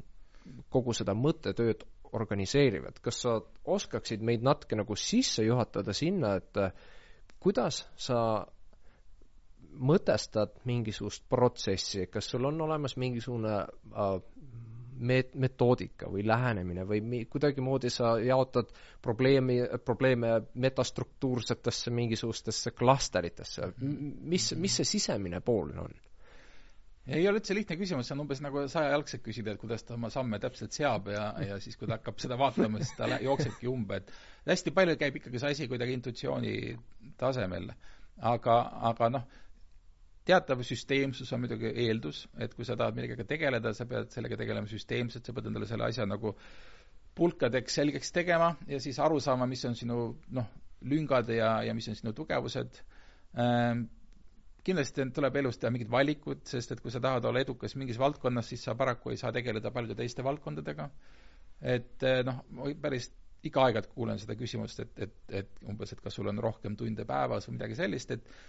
ja, ja siis ma lihtsalt vaatan, ma ei tee mingeid tegevusi, noh, ma ei ole vaadanud vist kakskümmend aastat televiisorit näiteks mm. või või, või ma äh, suhteliselt äh,, olen suhteliselt kehv sotsialiseeruja või ma ei, ei käi iga nädalavahetusel kusagil klubis või nii edasi, et ma ei ütle, et see on hea, ma võimalik, et ma olen millestki väga olulisest ilma jäänud, aga aga, aga ma olen teinud mingid valikud, mul ei ole sotsiaalmeediakontot, ma ei kasuta Facebooki, Twitterit, Instagrami ega midagi, et jällegi ma ütlen, et tehke ka nii. Ja mul ei ole üldse, ma isegi uurijana jälgin nagu niimoodi vaatlejana neid sotsiaalmeediakontosid huviga. Aga ma nagu oma aega sinna ei pane, sest mulle tundub, et ma kasutan oma aega mõnes teises rollis nagu tõhusamalt ja, ja mulle pakub rohkem huvi, ütleme siis, teha mingeid muid asju, aga aga lõpuks on see valikute küsimus, et kui ikkagi tahta noh, milleski saada nagu heaks, et siis tuleb sinna lihtsalt panna palju aega ja, ja ja mitte kaotada oma fookust. mitte kaotada fookust ja just nimelt ma arvan, et see on tänapäeva üks ikkagi kiusatusi, et meil on liiga palju need äh, ärritajad või, või sellised motivaatorid, mis tõmbavad kogu aeg tähelepanu eemale ja noh, seesama sotsiaalmeediaga muidugi üks ja noh, üldse tehnoloogia areng, mis kogu aeg püüab sulle naha vahele tungida ja tähelepanu tõmmata ja ja, ja, ja, ja see on ikkagi päris nagu noh, teadlik enesedistsiplineerimine, et mis sellest aitab nagu eemale hoida. üks hea definitsioon, mida ma lugesin äh, kasvatusteadusest, on see, et äh, lapsevanemad tahavad, et nende laps oleks geenius ja nad kasvatavad last, kes on geenius, ehk siis ta peab teadma kõikidest asjadest mm -hmm. noh, midagi, et ta oskaks midagi nii-öelda korrata. ja see on ilmselt äh, võib-olla ka minu siis uue põlvkonna teema, et meid üritati, et me oskame pilli mängida ja, ja ühte või teist või kolmandat asja, mis lõppkokkuvõttes tähendab seda, et sul ei ole seda ühte, ühte kümne tuhande tunnist seda tegevust, mida sa tegelikult äh, harjutad nii kaua, kuni sul tekib seesama intuitsioon mm, -hmm. millega sa saad edasi minna, sest mm -hmm. paraku noh, senimaani, kuni sa ei ole ära meisterdanud oma sedasama pillimängu, et äh, noh, kolmest aastast ei piisa, et seda mhm. ikkagi jääb sinna, et sa ei suuda ei improviseerida, noh mm -hmm., sa, sa, sa pead ikkagi selle, selle lävenini jõudma, et äh, sealt edasi sul on seesama intuitsioon, improvisatsioon ja siis sa naudid seda mm. loomingulisust, vabadust, et selliste geniaalsete laste ilmselt äh, sündroom on, on see, noh, mille all me oleme tugevalt saanud kannatada, me peame olema kõikides asjades heas mm, -hmm. äh, igal pool peab olema edu ja lõppkokkuvõttes äh, ei ole isegi nagu ühes alas seda jah, see on keeruline olukord tõesti, et eh, kui peaks olema igas asjas edukas, et neid näiteid on maailmas väga vähe ja õieti polegi. no iseenesest see, et näiteks lapsele anda võimalus proovida eri asju, on muidugi hea, sest et tõepoolest, kust sa tead, mis on sinu kutsumus, eks ole, et kui sa proovid ära seal pillimängu ja spordi tegemise ja ma ei tea, mälumängurluse või, või keemiaolümpiaadid, et see on nagu mingis mõttes hea, aga tõesti, ühel hetkel sa pead otsustama, et millele sa keskendud, et, et sa testid ära, kus sa oled tugev, kus on sul eeldused, mis sind kõnetab, mis sind nagu käima paneb, ja siis sellele keskenduma. jah, sest sa pead leidma selle asja, mis sulle meeldib ja siis selle arvelt oleks lihtsam sinna distsipliini sisse mm -hmm, lükata, sest seal tekib seesama emotsionaalne sidusus, et juhul, kui sa tunnedki, et sa, sulle meeldib kuidagimoodi olla programmeerimisega seotud mm, -hmm. siis kõik need valud kuidagi lähevad täiesti nähtamatult nagu mööda mm -hmm. ja lõppkokkuvõttes sa saad selleks jah, et äh, noh, kuna tõepoolest elame sellises ajastus, kus kõik tahavad olla noh, head ja kõigile tundub, et kui ma olen ainult ühes asjas, kuidagi ühe asjaga seotud, siis ma olen liiga primitiivne. ja noh, paraku äh, alates Bill Gatesist kuni kõikideni välja, kõik on öelnud ainult, et valige see üks, üks ala, milles te olete hea, sellepärast et siis teil tekivad need teised võimalused ja siis te vaat-, saate vaadata, et kuhu see tähelepanu läheb. et see on ka tõesti oluline mõte, et, et ega ma ka ei, ei kutsu üles sellisele täielikule fanatismile ühes valdkonnas, eks ole, et see päädida ka sellise kinnismõttelisusega ja tuleb hoida nagu vaim avatud ja ärgas, aga just nimelt, et selleks, et tekiks need seosed, selleks peab olema see tugev tüvi, eks ole, et, et, et selleks, et sa saaksid teha koostööd teistega või avada mingeid uusi uksi, selleks sul peab olema tugev nagu tagala ja, ja aga jah, ma näen ka tegelikult teaduses inimesi, kes on võib-olla väga head mingis väga kindlas lõigus mm., aga noh, natuke ebahuvitavad, sest et nendega ei ole eriti millestki rääkida, sest neil on ainult üks, üks idee, üks, üks teema. et see ei ole ka ideaalne lahendus, et tuleb ikka katsuda olla ka mitmekülgne, aga see mitmekülgsus saab, peab nagu olema põhistatud mingisugusele ühele tugevale vundamendile. Kuidas me saame populariseerida äh, humanitaarteadusi ja teadusi, mis ei ole nii lihtsasti monetiseeritavad nagu teised mm. -hmm jah, ma isegi ei ütleks, et see on, peab olema populariseerimine, sest et humanitaarteaduste eripära ongi see, et nad tegelevad asjadega, mis peaksid inimestele minema korda igal juhul. peaksid et, olema loomulikud. just nimelt, no mis on humanitaarteadused, inimteadused, me uurime, eks ole, inimest. me uurime seda, kuidas inimene mõtleb, käitub, miks ta nii teeb, miks ta teisiti teeb, ja, ja see on ju mingis mõttes kõige ülim äh, eesmärk, et mingis mõttes, mis on inimese teine roll maailmas, kuidas aru saada inimesest. ja, ja humanitaarteaduste roll ongi inimest, inimest mõtestada. tõsi, nagu iga teadus, tal on omad ohud, et ta muutub väga spetsiifiliseks, erialakeelseks ja, ja selle tõttu ta ei suuda kõnetada ühiskonda, nii et ma näen, et mis on humanitaarteaduste missioon, on see, et, et nagu teadlikult kõnelda erinevatele auditooriumitele. et see ei tähenda tingimata nagu lihtsustamist või populariseerimist nagu halvas mõttes, vaid lihtsalt oma auditooriumiga arvestamist, noh, ennem sa mainisid tõepoolest, et ma püüan kirjutada teadlikult, eks ole, ingliskeelsele rahvusvahelisele eriala publikule ja siis ma kirjutan mingis viisil, mingil mm -hmm. viisil juba noh, teksti retoorika, teksti ülesehitus, aga ma võin sellesama mõtte pakendada hoopis mingisse eestikeelsesse esseesse, ilma et ta oleks nagu kuidagi nagu lahjem aga nad hoopis teistmoodi üles ehitatud ja tal ei ole võib-olla viited ja, ja tal ei ole mingit viited varasematele uurijatele, aga see mõte on seal sees mm. -hmm. et just nimelt see oskus oma sõnumit nagu noh, pakendada eri moodi on see, mis on minu meelest humanitaarteadustes ja sotsiaalteadustes oluline ja ma möönan, et tihti inimesed ei saa seda oskust ülikoolis kaasa, et ülikoolis ikkagi õpitakse nagu teadusteksti kirjutama ja kuidagi rõhutatakse noh, su lõputöö ja magistritöö kõik on ikka selline väga ranges sellises teadusteksti žanris, aga me peaksime rohkem õpetama ka noh, kirjutama lühitekste, arvamuslugusid, äh, mingisuguseid äh, poliitikasoovitusi ja kõike sellist ja ja ma mõtlen omaenda kogemusele veel, et, et ma arvan, mis on mind palju aidanud, et ma hakkasin väga varakult kirjutama nagu ajakirjanduse tekste mm. -hmm. ja minu arust ajakirjandus on ikkagi väga suurepärane kirjutamiskool. et esiteks ajakirjanduses on tähtajad, ajakirjanduses on ette antud tähemärgid, on ette antud ka teemad mm., struktuurid, et sa pead nagu kohanema, teadlasena tihti sa pead minema väga laisaks, et mida pikemini kiirutan, seda parem ja mida segasem, seda parem, et ajalehes see nii ei ole ja, ja ma olen hiljem aru saanud, et ka töö ajakirjandusele on aidanud mul nagu teadlasena paremini kirjutada. ja, ja samas just nimelt teadvustada selle žanrilist mitmekesisust, et mõtlen, kellele ma nüüd räägin ja vastavalt sellele ma siis sõnastan oma, oma ideed, aga jah, olemuslikult peaks olema humanitaarteadused nagu kõikide inimeste huvi keskmes. Ja seda ta, ta ei ole ja selles on, on ju kõige suurem probleem, noh, ma arvan, et see on minu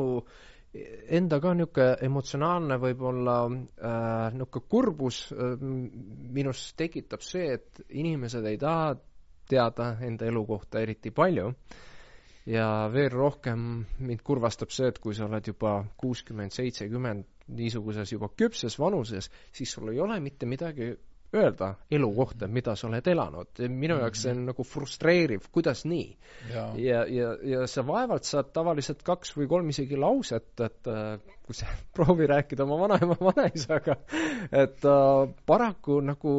inimene, kuna ta ei kontseptualiseeri mitte midagi, ta ei üldista, ta ei, ta ei vaata nende samade abstraktsuste vahelist mingisugust seost ja, ja kuidagi,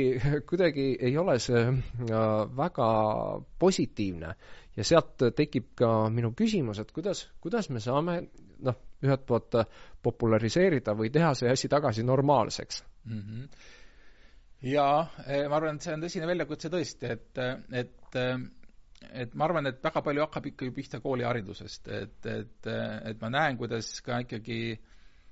noh, tudengite käest kuuldes, kuidas ka koolis kuidagi hakatakse väga varakult ajama nagu selget joont, et meil on siin osad tudeng-, osad õpilased, kes on andekad reaalteaduste peale ja kuidagi neile öeldakse, et ärge seal humanitaarainetega väga tegelegegi, et niikuinii pärast olete töötud ja, ja nii edasi, et kuidagi juba see lahterdamine hakkab varakult peale, et mina väidan, et selleks, et tänapäeva maailmas hakkama saada, peab olema ikkagi tugevaid teadmisi nagu eri valdkondadest, et ka selline kinnismõtteline humanitaarteadlane võib olla ühiskonnas hädas, aga samamoodi ka loodusteadlane või tehnikateadlane, kes ei suuda just nimelt oma kogemusi ka sõnadesse panna või maailmast aru saada, on hädas. et juba me peaksime lihtsalt valdkonnaülest ja teineteist austavat, väärtustavat suhtumist äh, nagu koolis istutama sisse, noh, see on jällegi lihtne öelda, aga aga raske teha, aga, aga teine asi, mulle tundub ka, et me võib-olla kipume seda humanitaariat nagu alahindama, et, et see on natuke juba refrään, et et noh, ei väärtustata piisavalt või ei ole piisavalt pildil, aga mulle tundub aeg-ajalt see humanitaarteadus on nagu, nagu õhk, mida me hindame, hingame ja lihtsalt ei märka teda. sest kui järele mõelda, siis noh, kogu demokraatlik ühiskond põhineb tegelikult humanitaarsel mõtlemisel. sest et see, et mis on demokraatia tuum, inimesed on valijad mm. -hmm. selleks, et valida, sa pead olema otsustusvõimeline, sa pead suutma eristada üht kandidaati teisest, sa pead aru saama, et miks ma hääletan tema poolt, mitte teise poolt ja selles mõttes demokraatia aluseeldus on see, et inimesed on kriitilise mõtlemise võimega. inimene on kuulaja ja rääkija just, et ta suudab reflekteerida, suudab oma otsust enda jaoks läbi mõelda ja seletada ja kui ta seda ei suuda ja paraku tihti ei suuda, siis ongi nagu tegelikult demokraatlik ühiskond hädas. ja selles mõttes see, see humanitaaria on nagu tegelikult mingis mõttes meie poliitilise korralduse nagu nurgakivi. aga veel teine minu arvates väga oluline humanitaaria panus ühiskonda on see, et humanitaaria ju toetab ja arendab nagu kujutlusvõimet ja loovust. Ja jällegi, kuidas me kujutame ette edukat demokraatlikku ühiskonda, mis ei suuda kujutleda paremat tulevikku, mis, kes ei suuda sihte seada, kes ei suuda fantaseerida, et kuhu me võiksime minna mm. -hmm. ja, ja jällegi, me tegelikult teeme seda igapäevaselt, me, me kujutleme, me fantaseerime, me, me loome. ja me lihtsalt ei teadvusta, et see on nagu humanitaarteaduslik tegevus Äh, ja seda nimekirja võiks jätkata, näiteks see, et, et me siin maailmas üldse hakkama saaksime, peame ju tundma teisi kultuure, teisi keeli, teisi kombeid, et kui me läheme reisile, eks ole, me ju teame, et me peame käituma kusagil ma ei tea, islamiriigis ühtemoodi ja mingis teises riigis teistmoodi, Jaapanis teistmoodi, et see on nagu, me peame seda nagu loomulikuks, et me nagu saame aru, et kõik inimesed ei mõtle ühtemoodi, et kõik inimesed ei räägi sama keelt ja ei käitu ühtemoodi ja see on jällegi humanitaarne teadmine. et kõik need asjad tegelikult on meie ühiskondliku toimimise eelduseks, me lihtsalt võtame seda tihti nagu vaikimisi enesestmõistetavana, aga tegelikult seal taga on juba õpetajate, õppejõudude ja teiste töö. seoses Jaapaniga tuleb mulle kohe meelde see, et äh, mulle on lihtsalt seda räägitud, et sa ei tohi lihtsalt nii ümber pöörata ja ära minna, et sa pead ikkagi au andma niimoodi, et sa vaatad inimesele otsa, teed paar sammu tagasi veel vaadates inimest ja siis alles näitad talle selga. Et tegelikult noh, tõepoolest maailm on mitmekesine, aga tulles tagasi selle esimese punkti juurde, mis puudutab demokraatlikku nii-öelda printsiipsust, ilmselt selles on noh, see kõige äh, lihtsam põhjuse ja tagajärje seos, et kuna demokraatia on praegu meist nii kaugel, noh, meil on needsamad arvamused, mis vahet seal on, nagunii minu arvamus midagi ei loe, seal on juba kõik äh, poliitilised pered kõik ära otsustanud, et ilmselt mida lähedasem me oleksime nendele otsustus, otsuste vastuvõtmisel, ilmselt seda, seda rohkem tekiks ka vajadus. Jah, vot siin on nii ja naa, et ühest küljest ma olen nõus, et poliitiline võõrdumine on üks sellise demokraatliku režiimi allakäigu algus, aga kas seda võõrdumist peab nagu mm, vähendama läbi näiteks, ma ei tea, otsedemokraatia suurendamise või, või kuidagi andma rohkem, ma ei tea, referendumi õigust või muud, et, et siin võib vaielda. Et, et võimalik, et on, aga, aga seal tekivad omad ohud jällegi, mis on seotud näiteks selle populismiga või ka nii-öelda enamuse türanniaga, et kui me kogu aeg ikka otsustame nagu enamuse poolt, et hääletame kõik küsimused, paneme referendumile näiteks, et see on väga demokraatlik, otsedemokraatia, tulemus võib olla see, et me teeme tegelikult kellelegi läbi noh, mõtlematult ülekohut või, või, või haiget.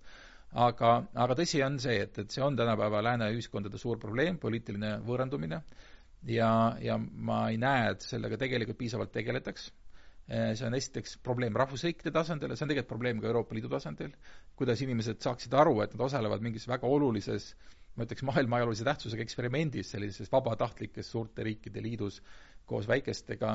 aga see tundub, et see on mingi Brüsseli jama kusagil kaugel, et see mm -hmm. mind ei puuduta, et tegelikult puudutab see meid vägagi. aga, aga ma arvan jällegi, see algab ikkagi sellest samast haridusest, sellest samast kriitilisest mõtlemisvõimest, sellest, et ma olen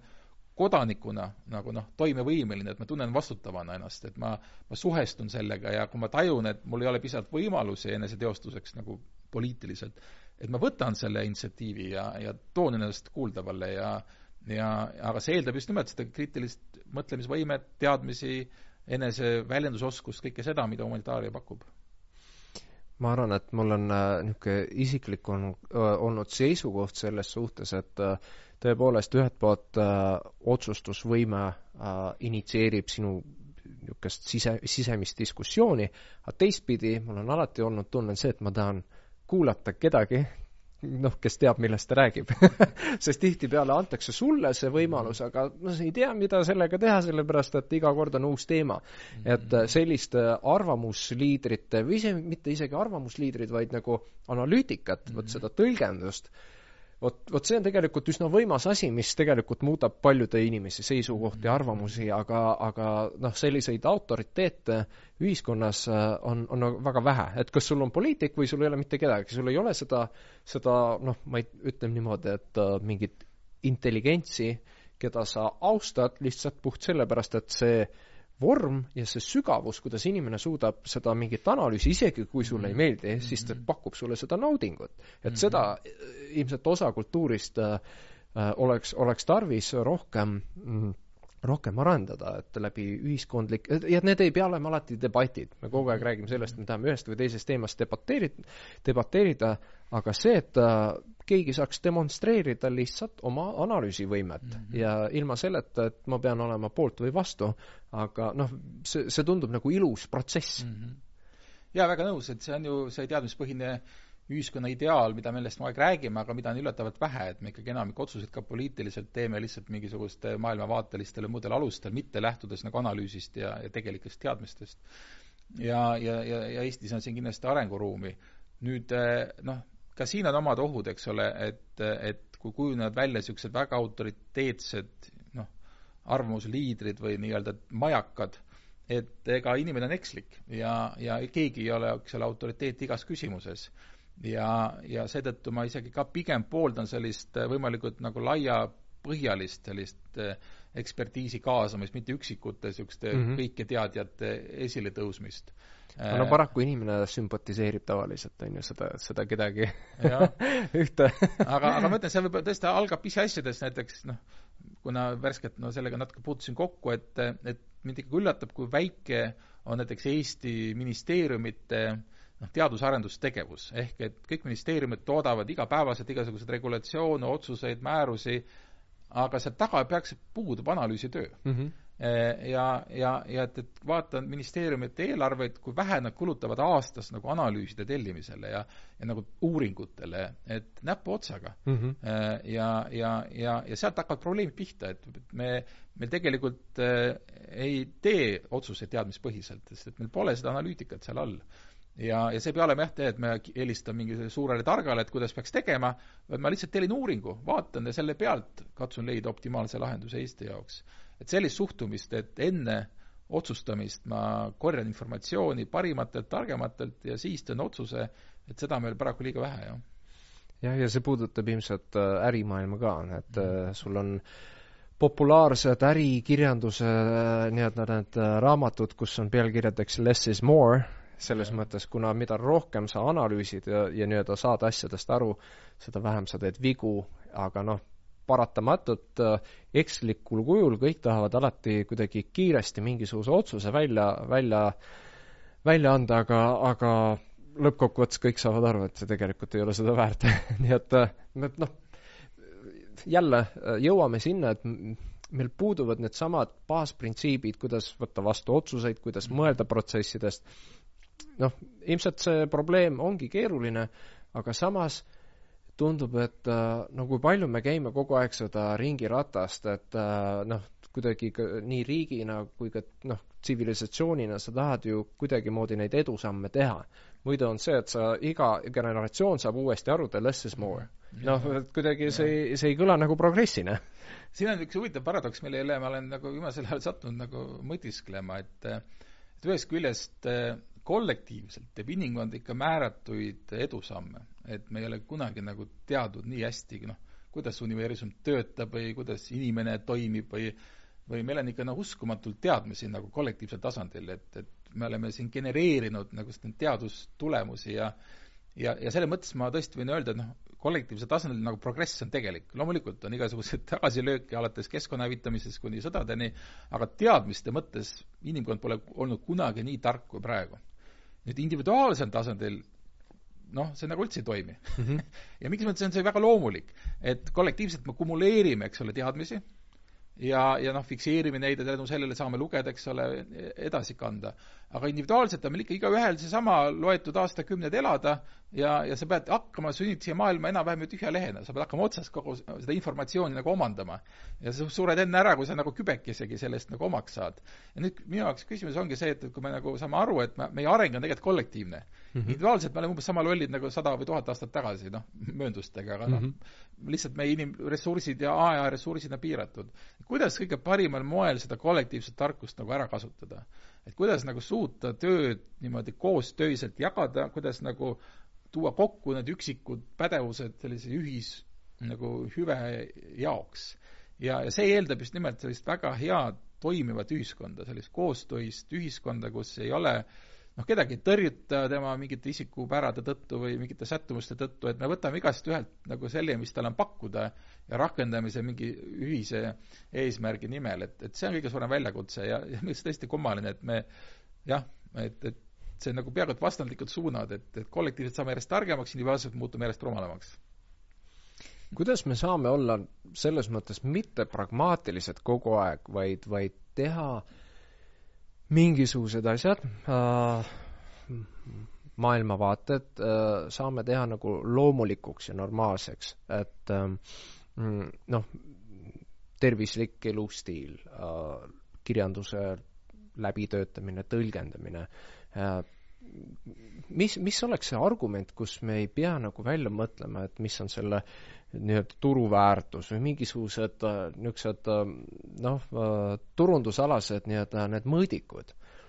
Ku-, kuidas me saaks nagu normaliseerida seda, mis on inimese jaoks tervislik mitte ainult keha suhtes, vaid ka tema vaimu ja teadmise ja läbi, läbi kogu nagu selle inimkategooria, kas see, kas see ongi ainult niisugune kollektiivne ideaal või no lühike vastus on läbi kasvatuse, ega siis inimene ikkagi kujundab oma hoiakud ja käitumismallid läbi kasvatuse ja läbi noh, alates perekonna keskel kuni, eks ole, siis sellise formaalse hariduseni ja ja läbi kogu elu. aga noh, ma ütlen, ikkagi taamal tuleb möönda, et inimene ei ole ju lõpuni ratsionaalne olend, et ta ei, oma käitumist ei reguleeri ainult nagu selliste mõist-, mõistlike otsuste põhjal, et, et me ikkagi teeme ka valikud mingitel teistel alustel ja teistel kaalutlustel ja noh, mingist mõnuprintsiibist lähtuvalt või mugavusest lähtuvalt ja ja, ja selles mõttes ma arvan, et seda olukorda ei saa, saabugi, kus mm -hmm. kõik äh, elaksid nii-öelda parimal võimalikul viisil, et, et mingisugune äh,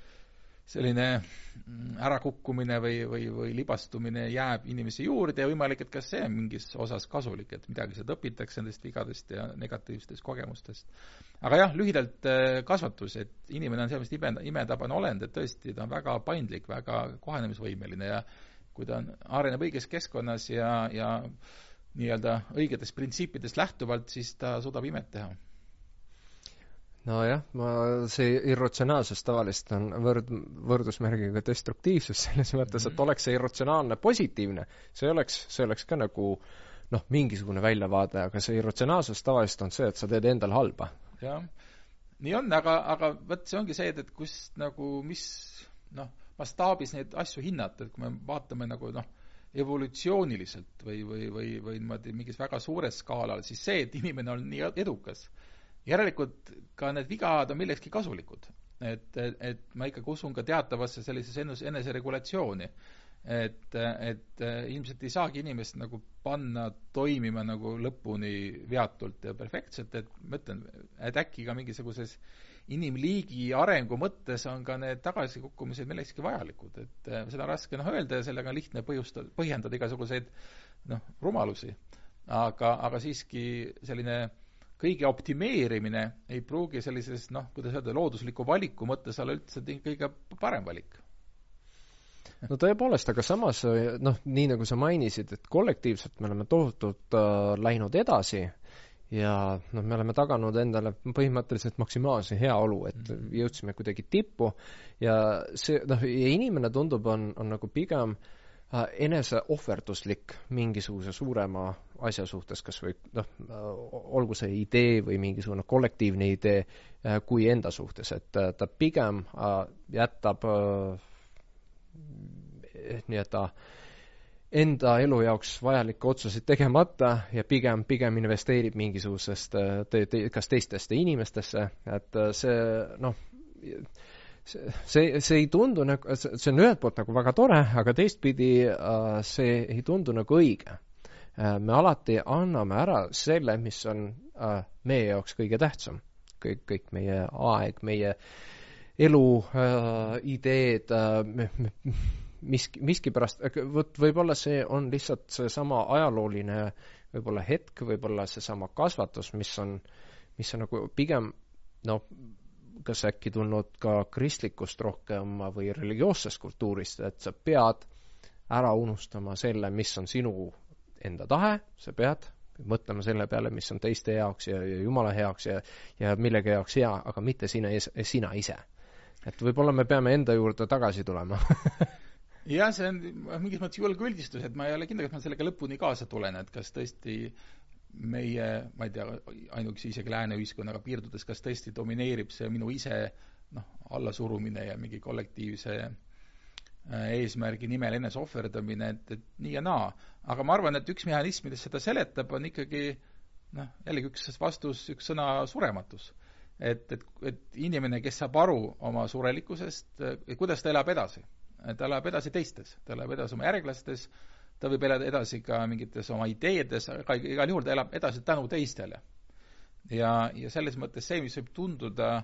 esmapilgul nagu enese ohverduse või enese allasurumisena, võib olla tegelikult enese püsimise või enese igavikustamise nimel tehtud. Et, et selles mõttes see võib olla jällegi keerulisem, kui ta esmapilgul ja see on pigem alateadlik, jah? jah, sest et ma arvan, et ikkagi see, mis inimest defineerib, on ikkagi tema surelikkus ja varem või hiljem me kõik peame sellega kuidagi toime tulema ja, ja ma arvan, meisse on siiski sisse kodeeritud see soov noh, kuidagi seda surelikkust ületada või üle kavaldada ja üks viis seda teha on just nimelt läbi oma siis kas nii-öelda geenide või meemide edasi pärandamise. ja, ja selles mõttes jah, noh, seda on ju ka palju uuritud, kuidas ju see, mis võib tunduda näiteks ema käitumises eneseohverdusena lapse suhtes, võib olla tegelikult kokkuvõttes ema huvides mm, -hmm. sest et lõpuks ta elab edasi oma lapses no tõepoolest um, üks uh, lihtsalt mõte uh,, mis mul kadus ära um, mm, ma vaatan, kas ma saan selle kätte. sabast kinni. jah mm,. Ah, üks, üks mõte, mis mul seostub selle inimese eneseohverdusega, mitte ise eneseohverdusega, vaid see, et kui me lubame midagi teisele inimesele, siis me peame selle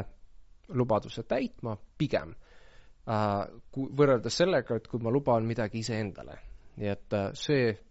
kohustus mhm, mhm. põhimõtteliselt mind motiveerib äh, palju lihtsamini, kuna noh, mul on tagajärjed seoses sellega, et kui ma ei täida kas või lihtsalt oma võib-olla nime äh, kuidagi äh, kaotamine äh,, austuse või mis iganes äh, ähm, nii-öelda viisil äh,, et äh, kunagi mul üks äh, kaastudeng ütles, et äh, tal on palju lihtsam aidata kaastudengit, kui see teha oma kodutöö ära nii et äh, paraku ilmselt läbi, läbi kõikide sfääride see, see nii-öelda reegel eksisteerib senimaani, kui, kuni sa ei distsiplineeri ennast ära ja sa ei saa aru, mis on, mis on see tähtis. see haakub jällegi natukene bioloogide töödega, et on natuke uuritud seda, et äh, et mis noh, tagab sellise noh, ellujäämise ja, ja kui võiks arvata, et ellujäämise tagab eeskätt selline enesekeskne käitumine või kuidagi selline äh, enese esiplaanile seadmine ja enese nagu turvamine ja nii edasi, siis tegelikult paistab, et see üldse nii ei ole. et ellu jäävad need, kes on väga koostöised, kellel on väga palju sellist sotsiaalset kapitali või kes nagu, kellel on head suhted teistega. ja, ja see, mis tundub esmapilgul nagu raiskamisena, et me väga palju investeerime aega, energiat nagu suhete püsimisse ja suhete loomisesse, võib olla tegelikult väga praktiline äh, mingis kriisi, kriitilises olukorras, et äh, et selles mõttes see võib olla jällegi natukene selline kodeeritud bioloogiline käitumine, ehk et, et tegelikult äh, tingimata ei jää ellu mitte kõige egoistlikum, vaid hoopis kõige altruistlikum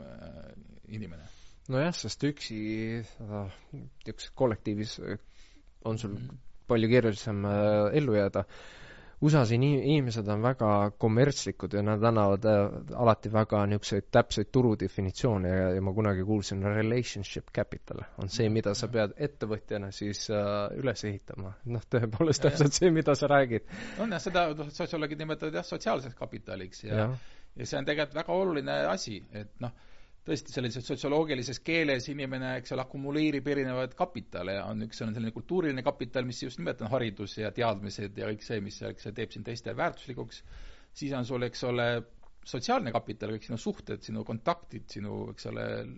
lähemad ja kaugemad äh, võrgustikud, aga samuti, eks ole, noh, näiteks äh, poliitiline kapital, eks ole, mis annab sulle mingeid võimupositsioone või või nii edasi, et noh, see on üks viis jah, kuidas niimoodi inim-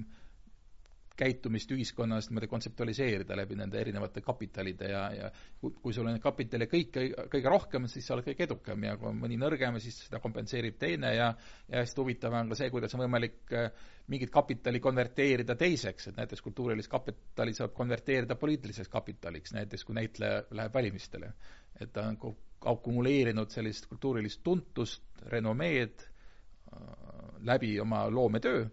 aga siis otsustab seda kasutada näiteks selleks, et edukalt valimistel parlamenti pääseda, et et see on üks viis jah, kuidas saab ühiskonda mõtestada. lihtsalt see oli minu jaoks ootamatu, et äh, ettevõtjad räägivad pigem sellisest humanitaarsest poolest, äh, mis puudutab noh, äh, koos inimestega töötamist,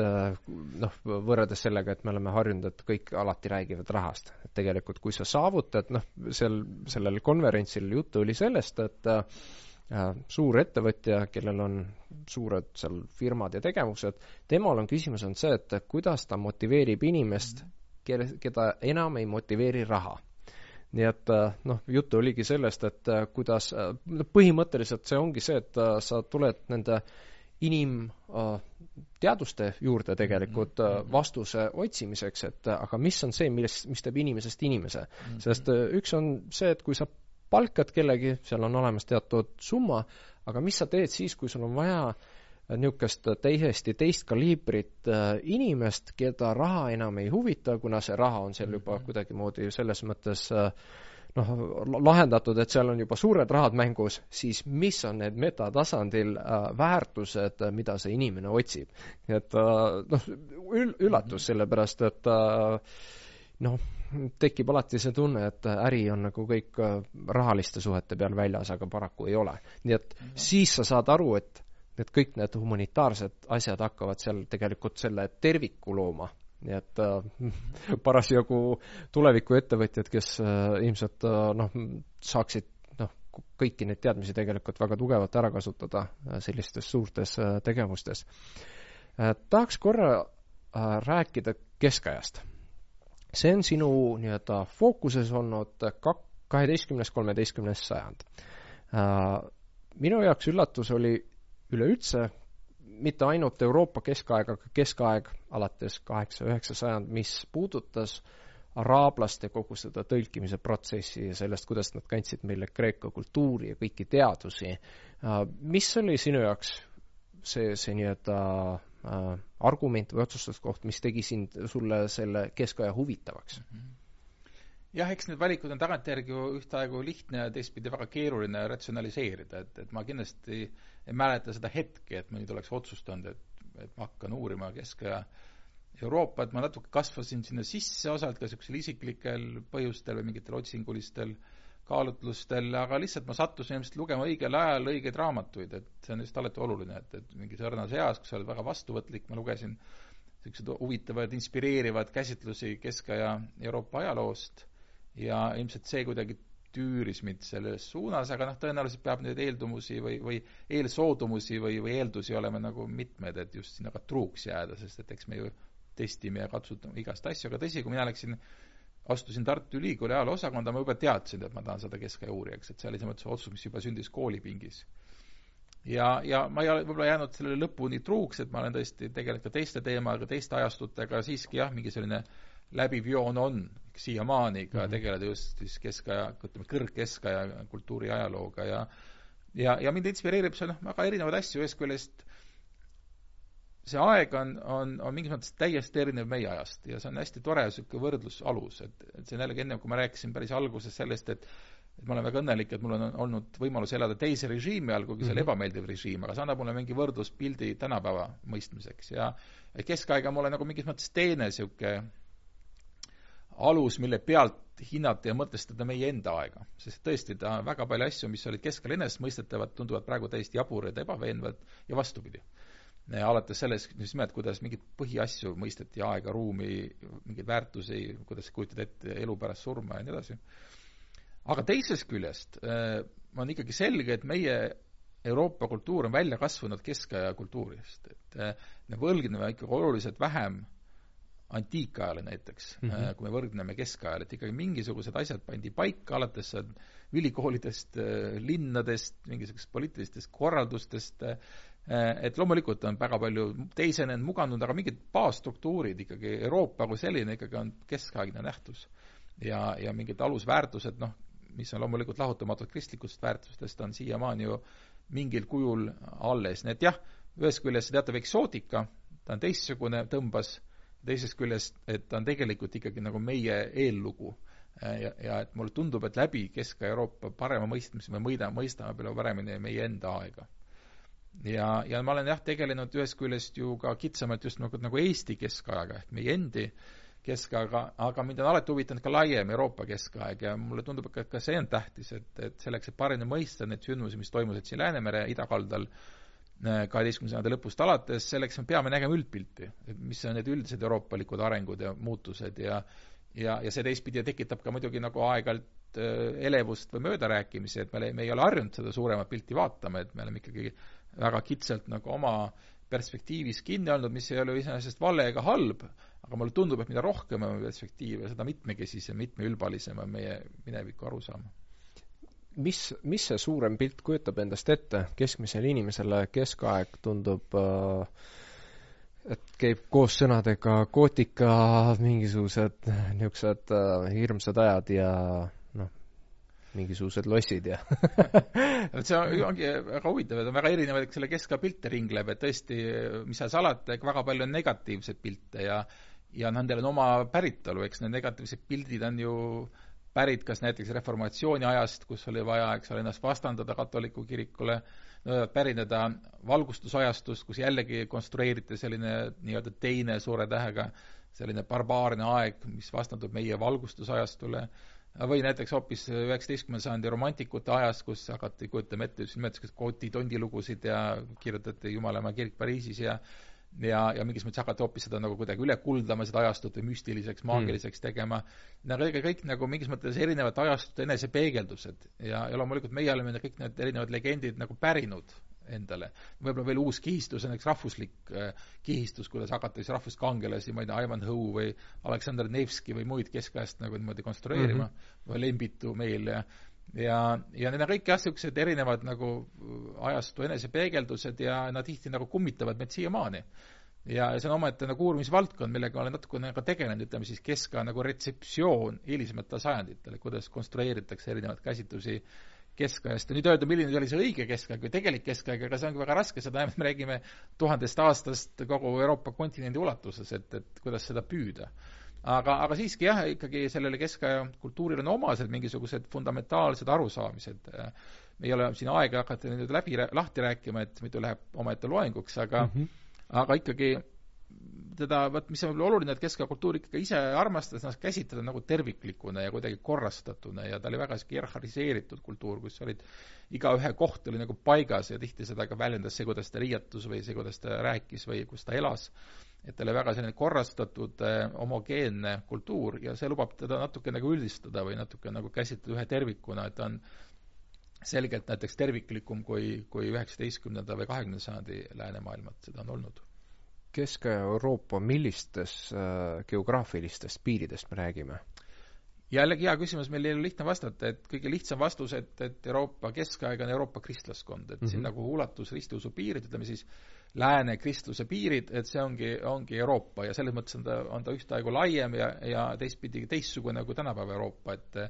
et ta võis ulatuda ka näiteks ju ristisõdade aegu hoopis kuhugi Lähis-Ida kanti ja mingis mõttes lülitati kristlaskonda mm, -hmm. ka, ka need alad, mis meie mõttes peavad praegu pigem nii-öelda Aasia äh, kultuuriruumi äh, aga teistpidi, eks ole, jäävad välja mingisugused näiteks äh, idakristuse alad, mis on praegu, või Bütsantsi alad, mis on juba pigem kuuluvad tänapäeva mõistes Euroopasse, aga jah, kõige lihtsam viis on vaadata sellist kristlaskonna levikut, aga noh, kitsamalt, kui me räägime Kesk-Euroopast, me ikkagi enamasti peame silmas sellist Lääne-Euroopat, et äh, et noh, Itaalia, Prantsusmaa, natuke hiljem Saksamaa ja siis hiljem liitusid, eks ole, Põhjamaa kuningriigid, kes kristjaniseerisid selle üheteistkümnenda sajandi paiku ja siis juba ka see Läänemaa idakallas, mis siis kristjaniseeriti kaksteist, kolmteist sajand, Eesti, Läti, Leedu, et siis nagu see kristlaskond Euroopa nagu laienes. kuidas näeks sinu elu välja, kui sa oleks sündinud keskajal? jaa, sellele mul tuleb meelde, et see üks küsimus, mida Umberto Eco käest küsiti aeg-ajalt, et kuna tema oli ka keskkonna, keskaja uurija ja siis ta vastas alati, et hoidku taevas selle eest, et ma oleks juba ammu surnud ja no, mi-, mi-, millised inimestel olid perspektiivid mm, -hmm. mis, mis, mis need valikud on? noh, lühike vastus on see, et mida kõrgemal ühiskonna redelipulgas olid, seda suurem oli tõenäosus nagu pikalt elada. ja, ja selles mõttes on see muidugi lihtsustav arusaam, et, et keskajal surdi nagu väga varakult, et, et see lähtub sellisest statistilisest illusioonist, mis on seotud nagu keskmise elueaga. aga kui vaadata nagu täpsemalt, siis see keskmise eluea viis madalale kõrge laste surevus. ja tõepoolest, noh, jällegi väga üldistavalt öeldes seal kuni kaks kolmandikku lastest suri enne, kui nad seal viiendaks, kuuendaks eluaastaks said. kas see oli sanitaarse olukorra jaa, see on lihtsalt mm -hmm. sanitaarne olukord, teadmatus noh, meditsiinist ja mm, -hmm. ja nii edasi, et äh, elukombed ja kõik see, ja seda kuidagi noh, ilmselt võeti natuke loomulikumalt, oligi lapsi väga palju, eks ole, kümme last, siis äh, kolm-neli jäi ellu, et siis nagu praegugi. ja, ja selles mõttes, kui sa olid nagu saavutanud näiteks, jõudnud mingisuguse teismeikka, siis tegelikult nad elasid päris vanaks, kuuskümmend seitse on täiesti tavaline, et, et see ei ole öelda, et kõik surid noored, aga ütleme, see risk äh, mitte ellu jääda oli siiski oluliselt kõrgem kui tänapäeval. ja, ja, ja rääkimata muudest nüanssidest, et äh, ja noh, seesama hügieen on näiteks noh, ma ei tea, ma tahaks elada ühiskonnas, kus hambad, käsid raviti umbes haamri ja äh, ilma valuvaigistita, et, et mm -hmm. või näiteks minusugune prillipapa oleks juba ammu rivist väljas, sest et prillid tulid käibele alles hiliskeskajal ja pigem äh, uusajal. ja noh, rida, rida muid probleeme, et selles mõttes kindlasti ma ei idealiseeri seda aega. aga ma tahan teda mõista ja ennekõike välja tuua, et see oli väga uuenduslik aeg, et ikkagi väga palju uusi ideid istutati keskajal ja me noh, mingis mõttes naudime neid vilju alles nüüd.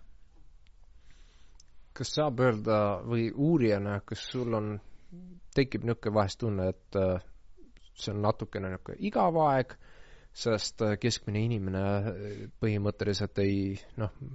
ei oma seal mingisugust tähtsust ja, ja põhimõtteliselt sa lihtsalt kogu aeg analüüsid sellist el eliidi nii-öelda seda seisu äh,. kui huvitav see aeg päriselt on? Ei noh, muidu ma ei uuriks, kui ta huvitav ei ole ja, ja, ja tõsi on see, et mu enda uurimishuvid on ehk tõesti rohkem seotud selliste ideede sfääri ja, ja, ja ütleme, kultuurisfääriga ja selles mõttes võib öelda küll, et ma rohkem tegelen eliidiga, aga, aga ega siis äh, keegi ei takista uurimast ka argielu ja, ja keskaja argielu uurimine on väga populaarne ja ka nii-öelda talurahva uurimine ja, ja selles mõttes neid sotsiaalseid liigitusi saab ka eirata ja, ja, ja teine asi on see, et ega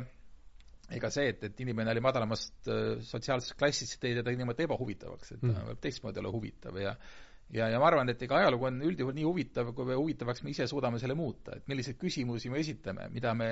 oskame üldse nagu uurida ja, ja milliseid allikaid leida ja, ja milliseid teemasid tõstatada, nii et et selles mõttes ma arvan, ei ole üldse mingit vahet, mis aega uurida. et see on, aeg on ikkagi nii huvitav, kui huvitavaks sa suudad selle ise noh, teha. Kas sinu kui uurija vaatevinklist noh, ütleme niimoodi, kahe, kahekümnes sajand ja, ja praegu meie aeg, et kas see nagu drastiliselt erinev äh, sellest äh, noh, mis on, mis on nagu läbi ajaloo olnud või kas sa kuidagimoodi kategoriseerid seda, et mis tüüpi inimesed on, millest nad, äh, mida nad tahavad, mida nad kardavad, et äh, ku-, kuidas sa nagu neid liigitad?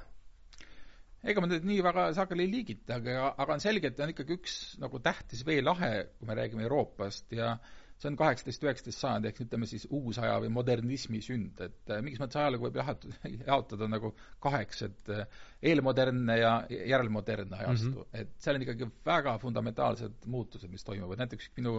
kunagise õppejõude eeskujusid, Prantsuse keskaurija Jacques Le Goff äh, tõi kasutusele mõiste pikk keskaeg ja tema uuris siis aega kolmandast sajandist kuni kaheksateistkümnenda sajandini, et tema jaoks viisteist sajandit ongi keskaeg, et mm. väga palju tegelikult ei muutunud sel ajal midagi. ütleme, ühiskonna struktuurid olid paigas, poliitilised struktuurid olid suuresti paigas, eks ole, agraarühiskond, kristlik ühiskond, teatav selline hierarhiline struktuur, poliitiline võim on, on nii-öelda taevast antud, mitte demokraatlikult valitud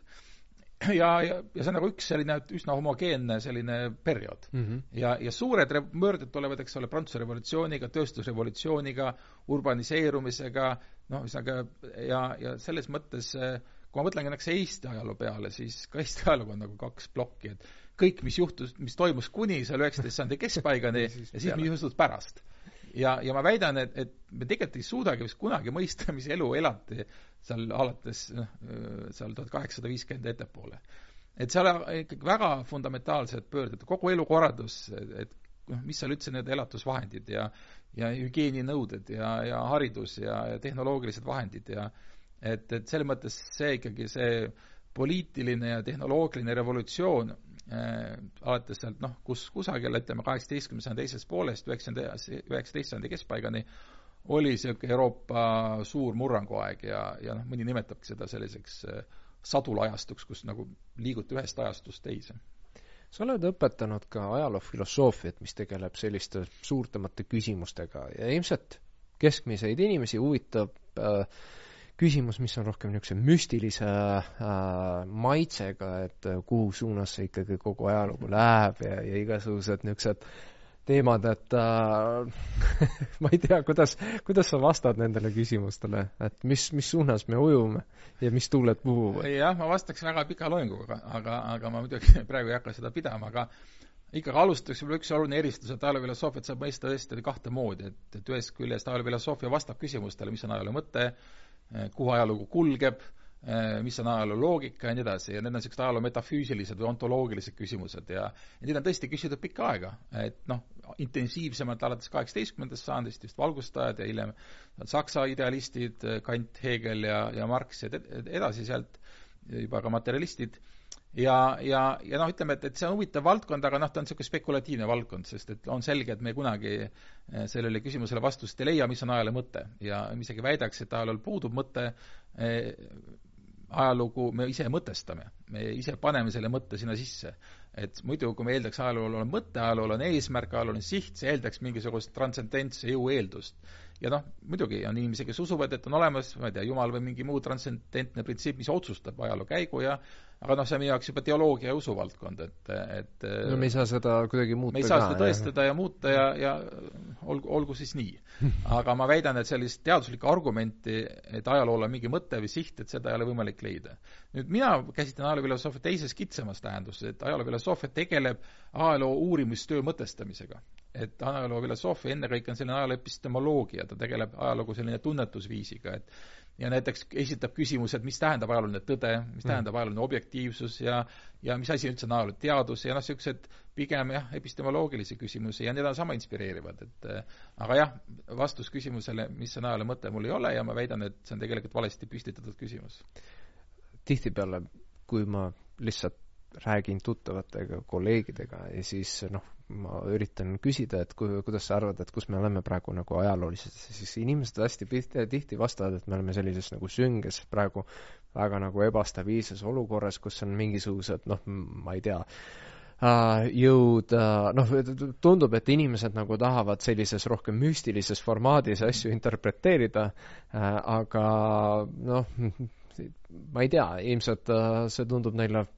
kuidagi põnevam, nad tahavad nagu mõelda sellest kui mingi jõudude võitlusest, et nüüd me oleme sellises, äh, oli valgustuse aeg ja nüüd meil on nagu materialism väga tugev, individualism, see tähendab seda, et meil on pigem nagu vähem niisugust inimese vaimu, et äh, meil on rohkem kehateemasid, sellepärast et kõiki huvitab seksuaalsus ja noh, mis iganes noh, nii-öelda vaimses mõttes me oleme nagu hästi niisuguses materiaalses praegu olekus, aga noh, ma saan aru, et ajalugu kui dis-, distsipliin ei paku nagu alternatiivseid äh, tõlgendusi sellisel kujul jaa, need on just nimelt need niisugused spekulatiivsed ajaloo filosoofilised teooriad ja noh, mis nad tihti kipub ühendama, ongi see, et alati need, äh, sõltumata sellest, millele nad kirjutatakse, kaheksateist sajand, üheksateist sajand, kakskümmend sajand, kakskümmend üks sajand, alati leitakse, et nüüd on see madalpunkt käes. maailma lõpp. maailma lõpp ja, ja noh, eks me kõik tahame oma aega kuidagi eriliseks mõelda, et me elame erilisel ajal ja, ja siis kas eriliselt heal ajal või eriliselt halval ajal aga tõesti selline noh, kuidas öelda, allakäigu loogika on sellesse spekulatiivsesse ajaloofilosoofiasse sisse kirjutatud ja ja kuidagi äh, noh,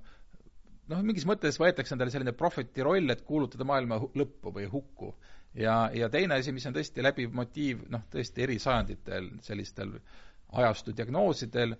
on see, et, et kuidagi vaimne allakäik on et, et ja, ja tõesti, et seda räägib kaheksateistkümnendal sajandil Condorcet, seda räägib, ma ei tea, üheksateistkümnendal sajandil äh, juba see Danilevski, kahekümnendal sajandil Spengler, Toynbee, kuni äh, Sorokin, noh, kõik on sama refrään, et, et vaimsed väärtused on alla käinud. Kuigi ja, tegelikult me oleme ilmselt moraali ja eetika võib-olla noh, progressis on ju ja sellest, kuidas me tähtsustame inimese elu ilmselt kõige tipus et noh, kui sa vaatad nagu ümberringi ja mõtled, et noh, kas tõesti nagu on nagu pimeduse aeg, et see ongi. et kui palju kirjutatakse raamatut, tehakse kultuuri, kas see on nagu kõik tohutu vaimsete väärtuste allakäik, et noh, ühesõnaga, aga see on lihtsalt see, et, et esiteks inimestel pole tihti seda ajalist perspektiivi, et nad lihtsalt mõõdavad nagu, noh, ma ei tea, oma mingisuguse vanaema juttude järgi või, või kuidagi mingi oma lapsepõlvega minu ajal oli, jah. ja, ja et see on kuidagi niisugune noh, vanast ikka rohi, rohe, rohe, rohi rohelisem, et see on noh, niisugune suhteliselt napi kogemuse pealt nagu üldistamine ja, ja seal on taga on ikkagi see natuke soov kuidagi noh, jah, ühesõnaga näidata, et me oleme mingil erilisel ajal, et nojah, sest tegelikult inimvaim, noh, vaatamata sellele, et on ju, me saame aru, et väga paljudel inimestel on mingisugune spets-, spetsialisatsioon, aga nad ei oska oma mõtteid võib-olla nii hästi formuleerida, aga kui me vaatame üldiselt, siis tegelikult inimvaim on ilmselt nagu kõige tihemini praegu kontsentreeritud ja ta suudab nagu selliseid lahendusi ja ideid välja mhm. pakkuda, mida, ja, teostada, mida ei ole ajaloos põhimõtteliselt noh, ma ei tea, kas mhm. sellisel kujul ilmselt mitte kunagi juhtunud. ja just sellel hetkel me ütleme, et see on nagu allakäik no ei, tõesti, et ikkagi inimvaimu saavutused on ikkagi noh, uskumatud ja, ja, ja ja nii kiiresti me ei ole kunagi nagu ed-, edenenud, ühesõnaga mis puudutab jällegi teadmisi jah, laias mõttes vaimu saavutusi, noh, muidugi ennekõike ka tehnoloogilisi saavutusi, aga ka muid, et eh, nii palju häid tekste pole kunagi kirjutatud, nii palju head muusikat pole loodud, siis ma mõtlen sellises tiheduses ja ulatuses ja mastaapsuses. ja heategevust ja, ja, ja seda, et kuidas meie ühiskond enam-vähem ausalt mm -hmm. toimib ja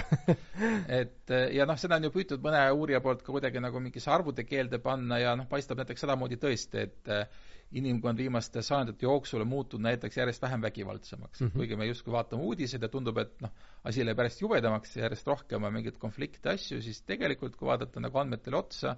siis on liikumine vastassuunas, et, et järjest vähem on niisuguseid vägivaldseid konflikte ja ja mikspärast meil see mulje jääb, see jääb pigem tänu sellele, et noh, meedia muutub ja see toob, toob meile kõik need iga viimasegi kui konflikti koju kätte ja see loob mulje, et tõesti muud ei toimugi, ainult üks niisugused teineteise mahalöömine noh, kuna inimesed on kõige lihtsamini manipuleeritavad hormoonide tasemel, see on see, mida meedia mhm. kasutab ära, tugevad emotsioonid, stressihormoonid ja see kogu asi tekitab sõltuvuse, aga Hans Rosling, kes on olnud äh, tuntud äh, Rootsi siis äh, noh, statistiline teadlane tõi välja, et kõikides elusfäärides, kus me oleme väga tohutult edasi läinud, inimesed arvavad, et me oleme täiesti jubedas allakäigus. Roslingu faktitäius on jah, hea nagu niisugune vastumürk nendele, nendele hädaldamistele, et tegelikult kui nagu reaalselt kainet vaadata, siis tõesti kõik näitajad pigem lähevad ülesmäge, noh loomulikult on asjal ka oma selline tume pool, et kõik see areng, ka tehnoloogiline areng tuleb tihti keskkonna arvelt, eks ole mm, -hmm. et ka see, et, et noh, see, et meil läheb järjest paremini, sellest räägib ka see, et, et me järjest demograafiliselt, eks ole, kasvame mm. -hmm. ja, ja demograafiline kasv jällegi tähendab, eks ole, veelgi suuremat loodusressursside ärakasutamist ja ja on selge, et me elame äh, tõesti keerulisel ajal selles osas, et me omaenda edasiminekus äh, vajame järjest rohkem energiat, vajame rohkem ressursse ja ja see võib meil ühel hetkel tõesti fataalseks saada, nii et jah, omaenda eelmise jutu vastuväiteks ma isegi ütleksin, et tegelikult nüüd on vist tõesti käes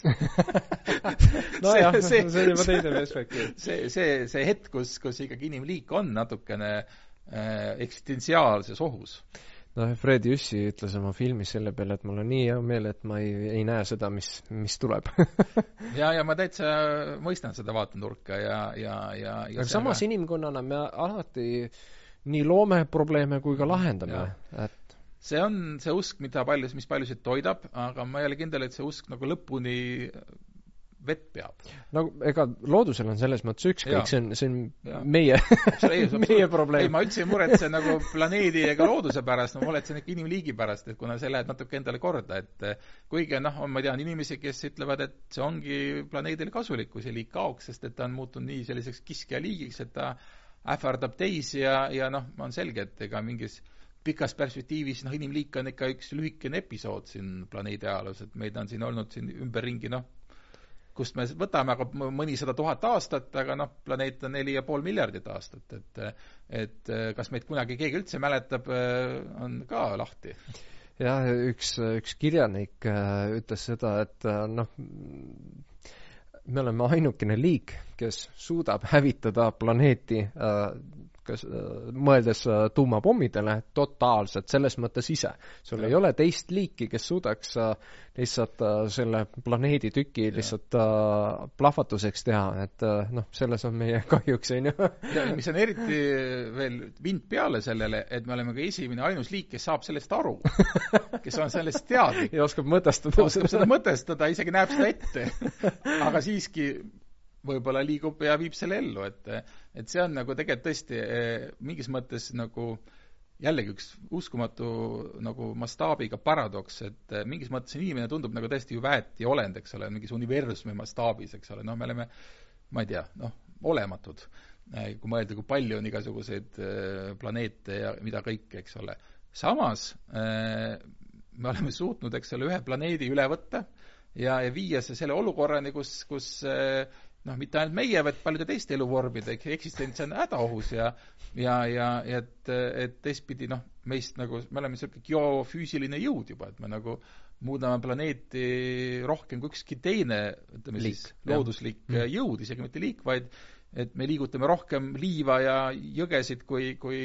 kõik putukad kokku. ja kõik mingisugused geoloogilised jõud ja, ja gravitatsioonijõud kokku. jah Turovski ütles ka, et me oleme praeguse seisuga kõige nii-öelda levinum liik üldse loomamaailmas, et see, see nagu noh, see on midagi, mis, mis meid eristab, aga noh, tõepoolest jah, et me oleme üsna meile tundub, et meil on mõttetu tagasihoidlik niisugune elu, aga tegelikult meie mõju on noh, otsustav. just, just, ja mõju on jällegi kollektiivsel tasandil, et et individuaalselt on meil väga raske aru saada, et ma elan juba oma tavalist elu, et et milles probleem on. aga koos selle massina, selle, eks ole, seitsme, kaheksa, üheksa miljardi inimesega, nagu me siin kasvame, et see on metsik jõud ja, ja, ja tõesti selline geoloogiline jõud, mispärast räägitakse, et me elame antropotseeni ajastul ja antropotseeni ajastu on paraku selline ajastu, mis on üsna apokalüptiline ajastu, et, et inimliik ei pruugi antropotseeni üle elada. No samas kõik äh, ennustused on alati noh, teatud mõttes läbi kukkunud, et kogu selline fatalistlik vaade on jällegi sellepärast, et äh, olla korraks aktuaalne kusagil, äh, öelda paar fraasi, sest kunagi Edison ütles, et inimene mitte kunagi ei saavut-, ei hakka lendama, noh, sellised nii-öelda väga, väga niisugused prohvetlikud fraasid, noh, see on täiesti äh, noh, ratsionaalne mõelda sellest, et me ei, me ei, ei, ei saa asi, mis on raskem kui õhk, lennata. Aga noh ei noh, see, seda lootust võib hoida üleval, aga, aga ma siiski sellele ei panustaks, sellepärast meil on ikkagi väga mitmekesiseid ja veenvad nagu teaduslikke argumente ja, ja andmeid, mis ikkagi näitavad, et sellisel moel noh, ei ole võimalik ellu jääda. lihtsalt me, me ammendame need äh, ressursid, mis on meil eluks vajalikud. et, et selles mõttes, või näiteks meil tekitame noh, kliima soojenemisega sellise keskkonna, kus meil lihtsalt ei ole võimalik elada ja ja rääkimata sellest, et ega see kõik ei käi ju niimoodi nipsust, et mm -hmm. see on ju aeglane, vaevaline hääbumine, mis sellega käivad kaasas tohutud, eks ole, rahvaste rännud seoses, eks ole, kliima soojenemiste ja, ja seal üleujutustega Just. ja et see on palju, palju nagu segasem ja, ja jubedam, see, see ja, ja ta ei ole nagu fantaasia, nagu ta veel vanasti oli, ta on ikkagi väga andmepõhine. väga tugev reaalsus mm -hmm.. noh, ühelt poolt kui keegi arvutas välja, et kui kõik äh, kodanikud Indias äh, tarbiksid sama palju nagu USA-s, noh siis see on kuskil seitse päeva kuni, kuni meil jätkub ressursse. aga ma arvan, et see, see ongi see, et äh, iga kord, kui me ajalooliselt kohtume mingisuguse hüvega, siis me üritame seda maksimaalselt ekspluateerida. see on see, et kui Nõukogude aeg kukkus läbi, Vene turistid siis, kui esimest korda nägid Rootsi lauda laevadel, seitse, kaheksa, üheksa portsjonit lihtsalt ei saa pidama, sellepärast et no kuidas, kuidas see nii on, et see on ja, nagu, see on kõik hinna sees ja, ja, ja joogid ja noh, sa, sa ei saa ju sellest lihtsalt nagu uh, neli tundi veetmata väljuda, aga noh, sul läheb aeg edasi, sa saad aru, sa ei pea enam nii tarbima, noh ja siis mm, -hmm. ja siis me vaikselt areneme ja jõuame sinna, et me, me oleme rohkem hoolikamad äh, oma, oma, oma valikutes. -hmm. noh, see on nagu esimene aste meie materiaalsetes hüvedes, aga siis, kui me saame aru, et tegelikult elu on veel põnevam, kui me just nimelt uh, tegeleme kas humanitaarsete valdkonda, valdkonna teemadega, see, mis, mis loob seda põnevust ja seda õnnetunne, tunnet null koha pealt, mitte see, et sa midagi ostad, vaid, vaid noh, vot sa leidsid mitte midagi materiaalset nii-öelda investeerimata, et äh, siis, siis me peaks mhm. jõudma sinna,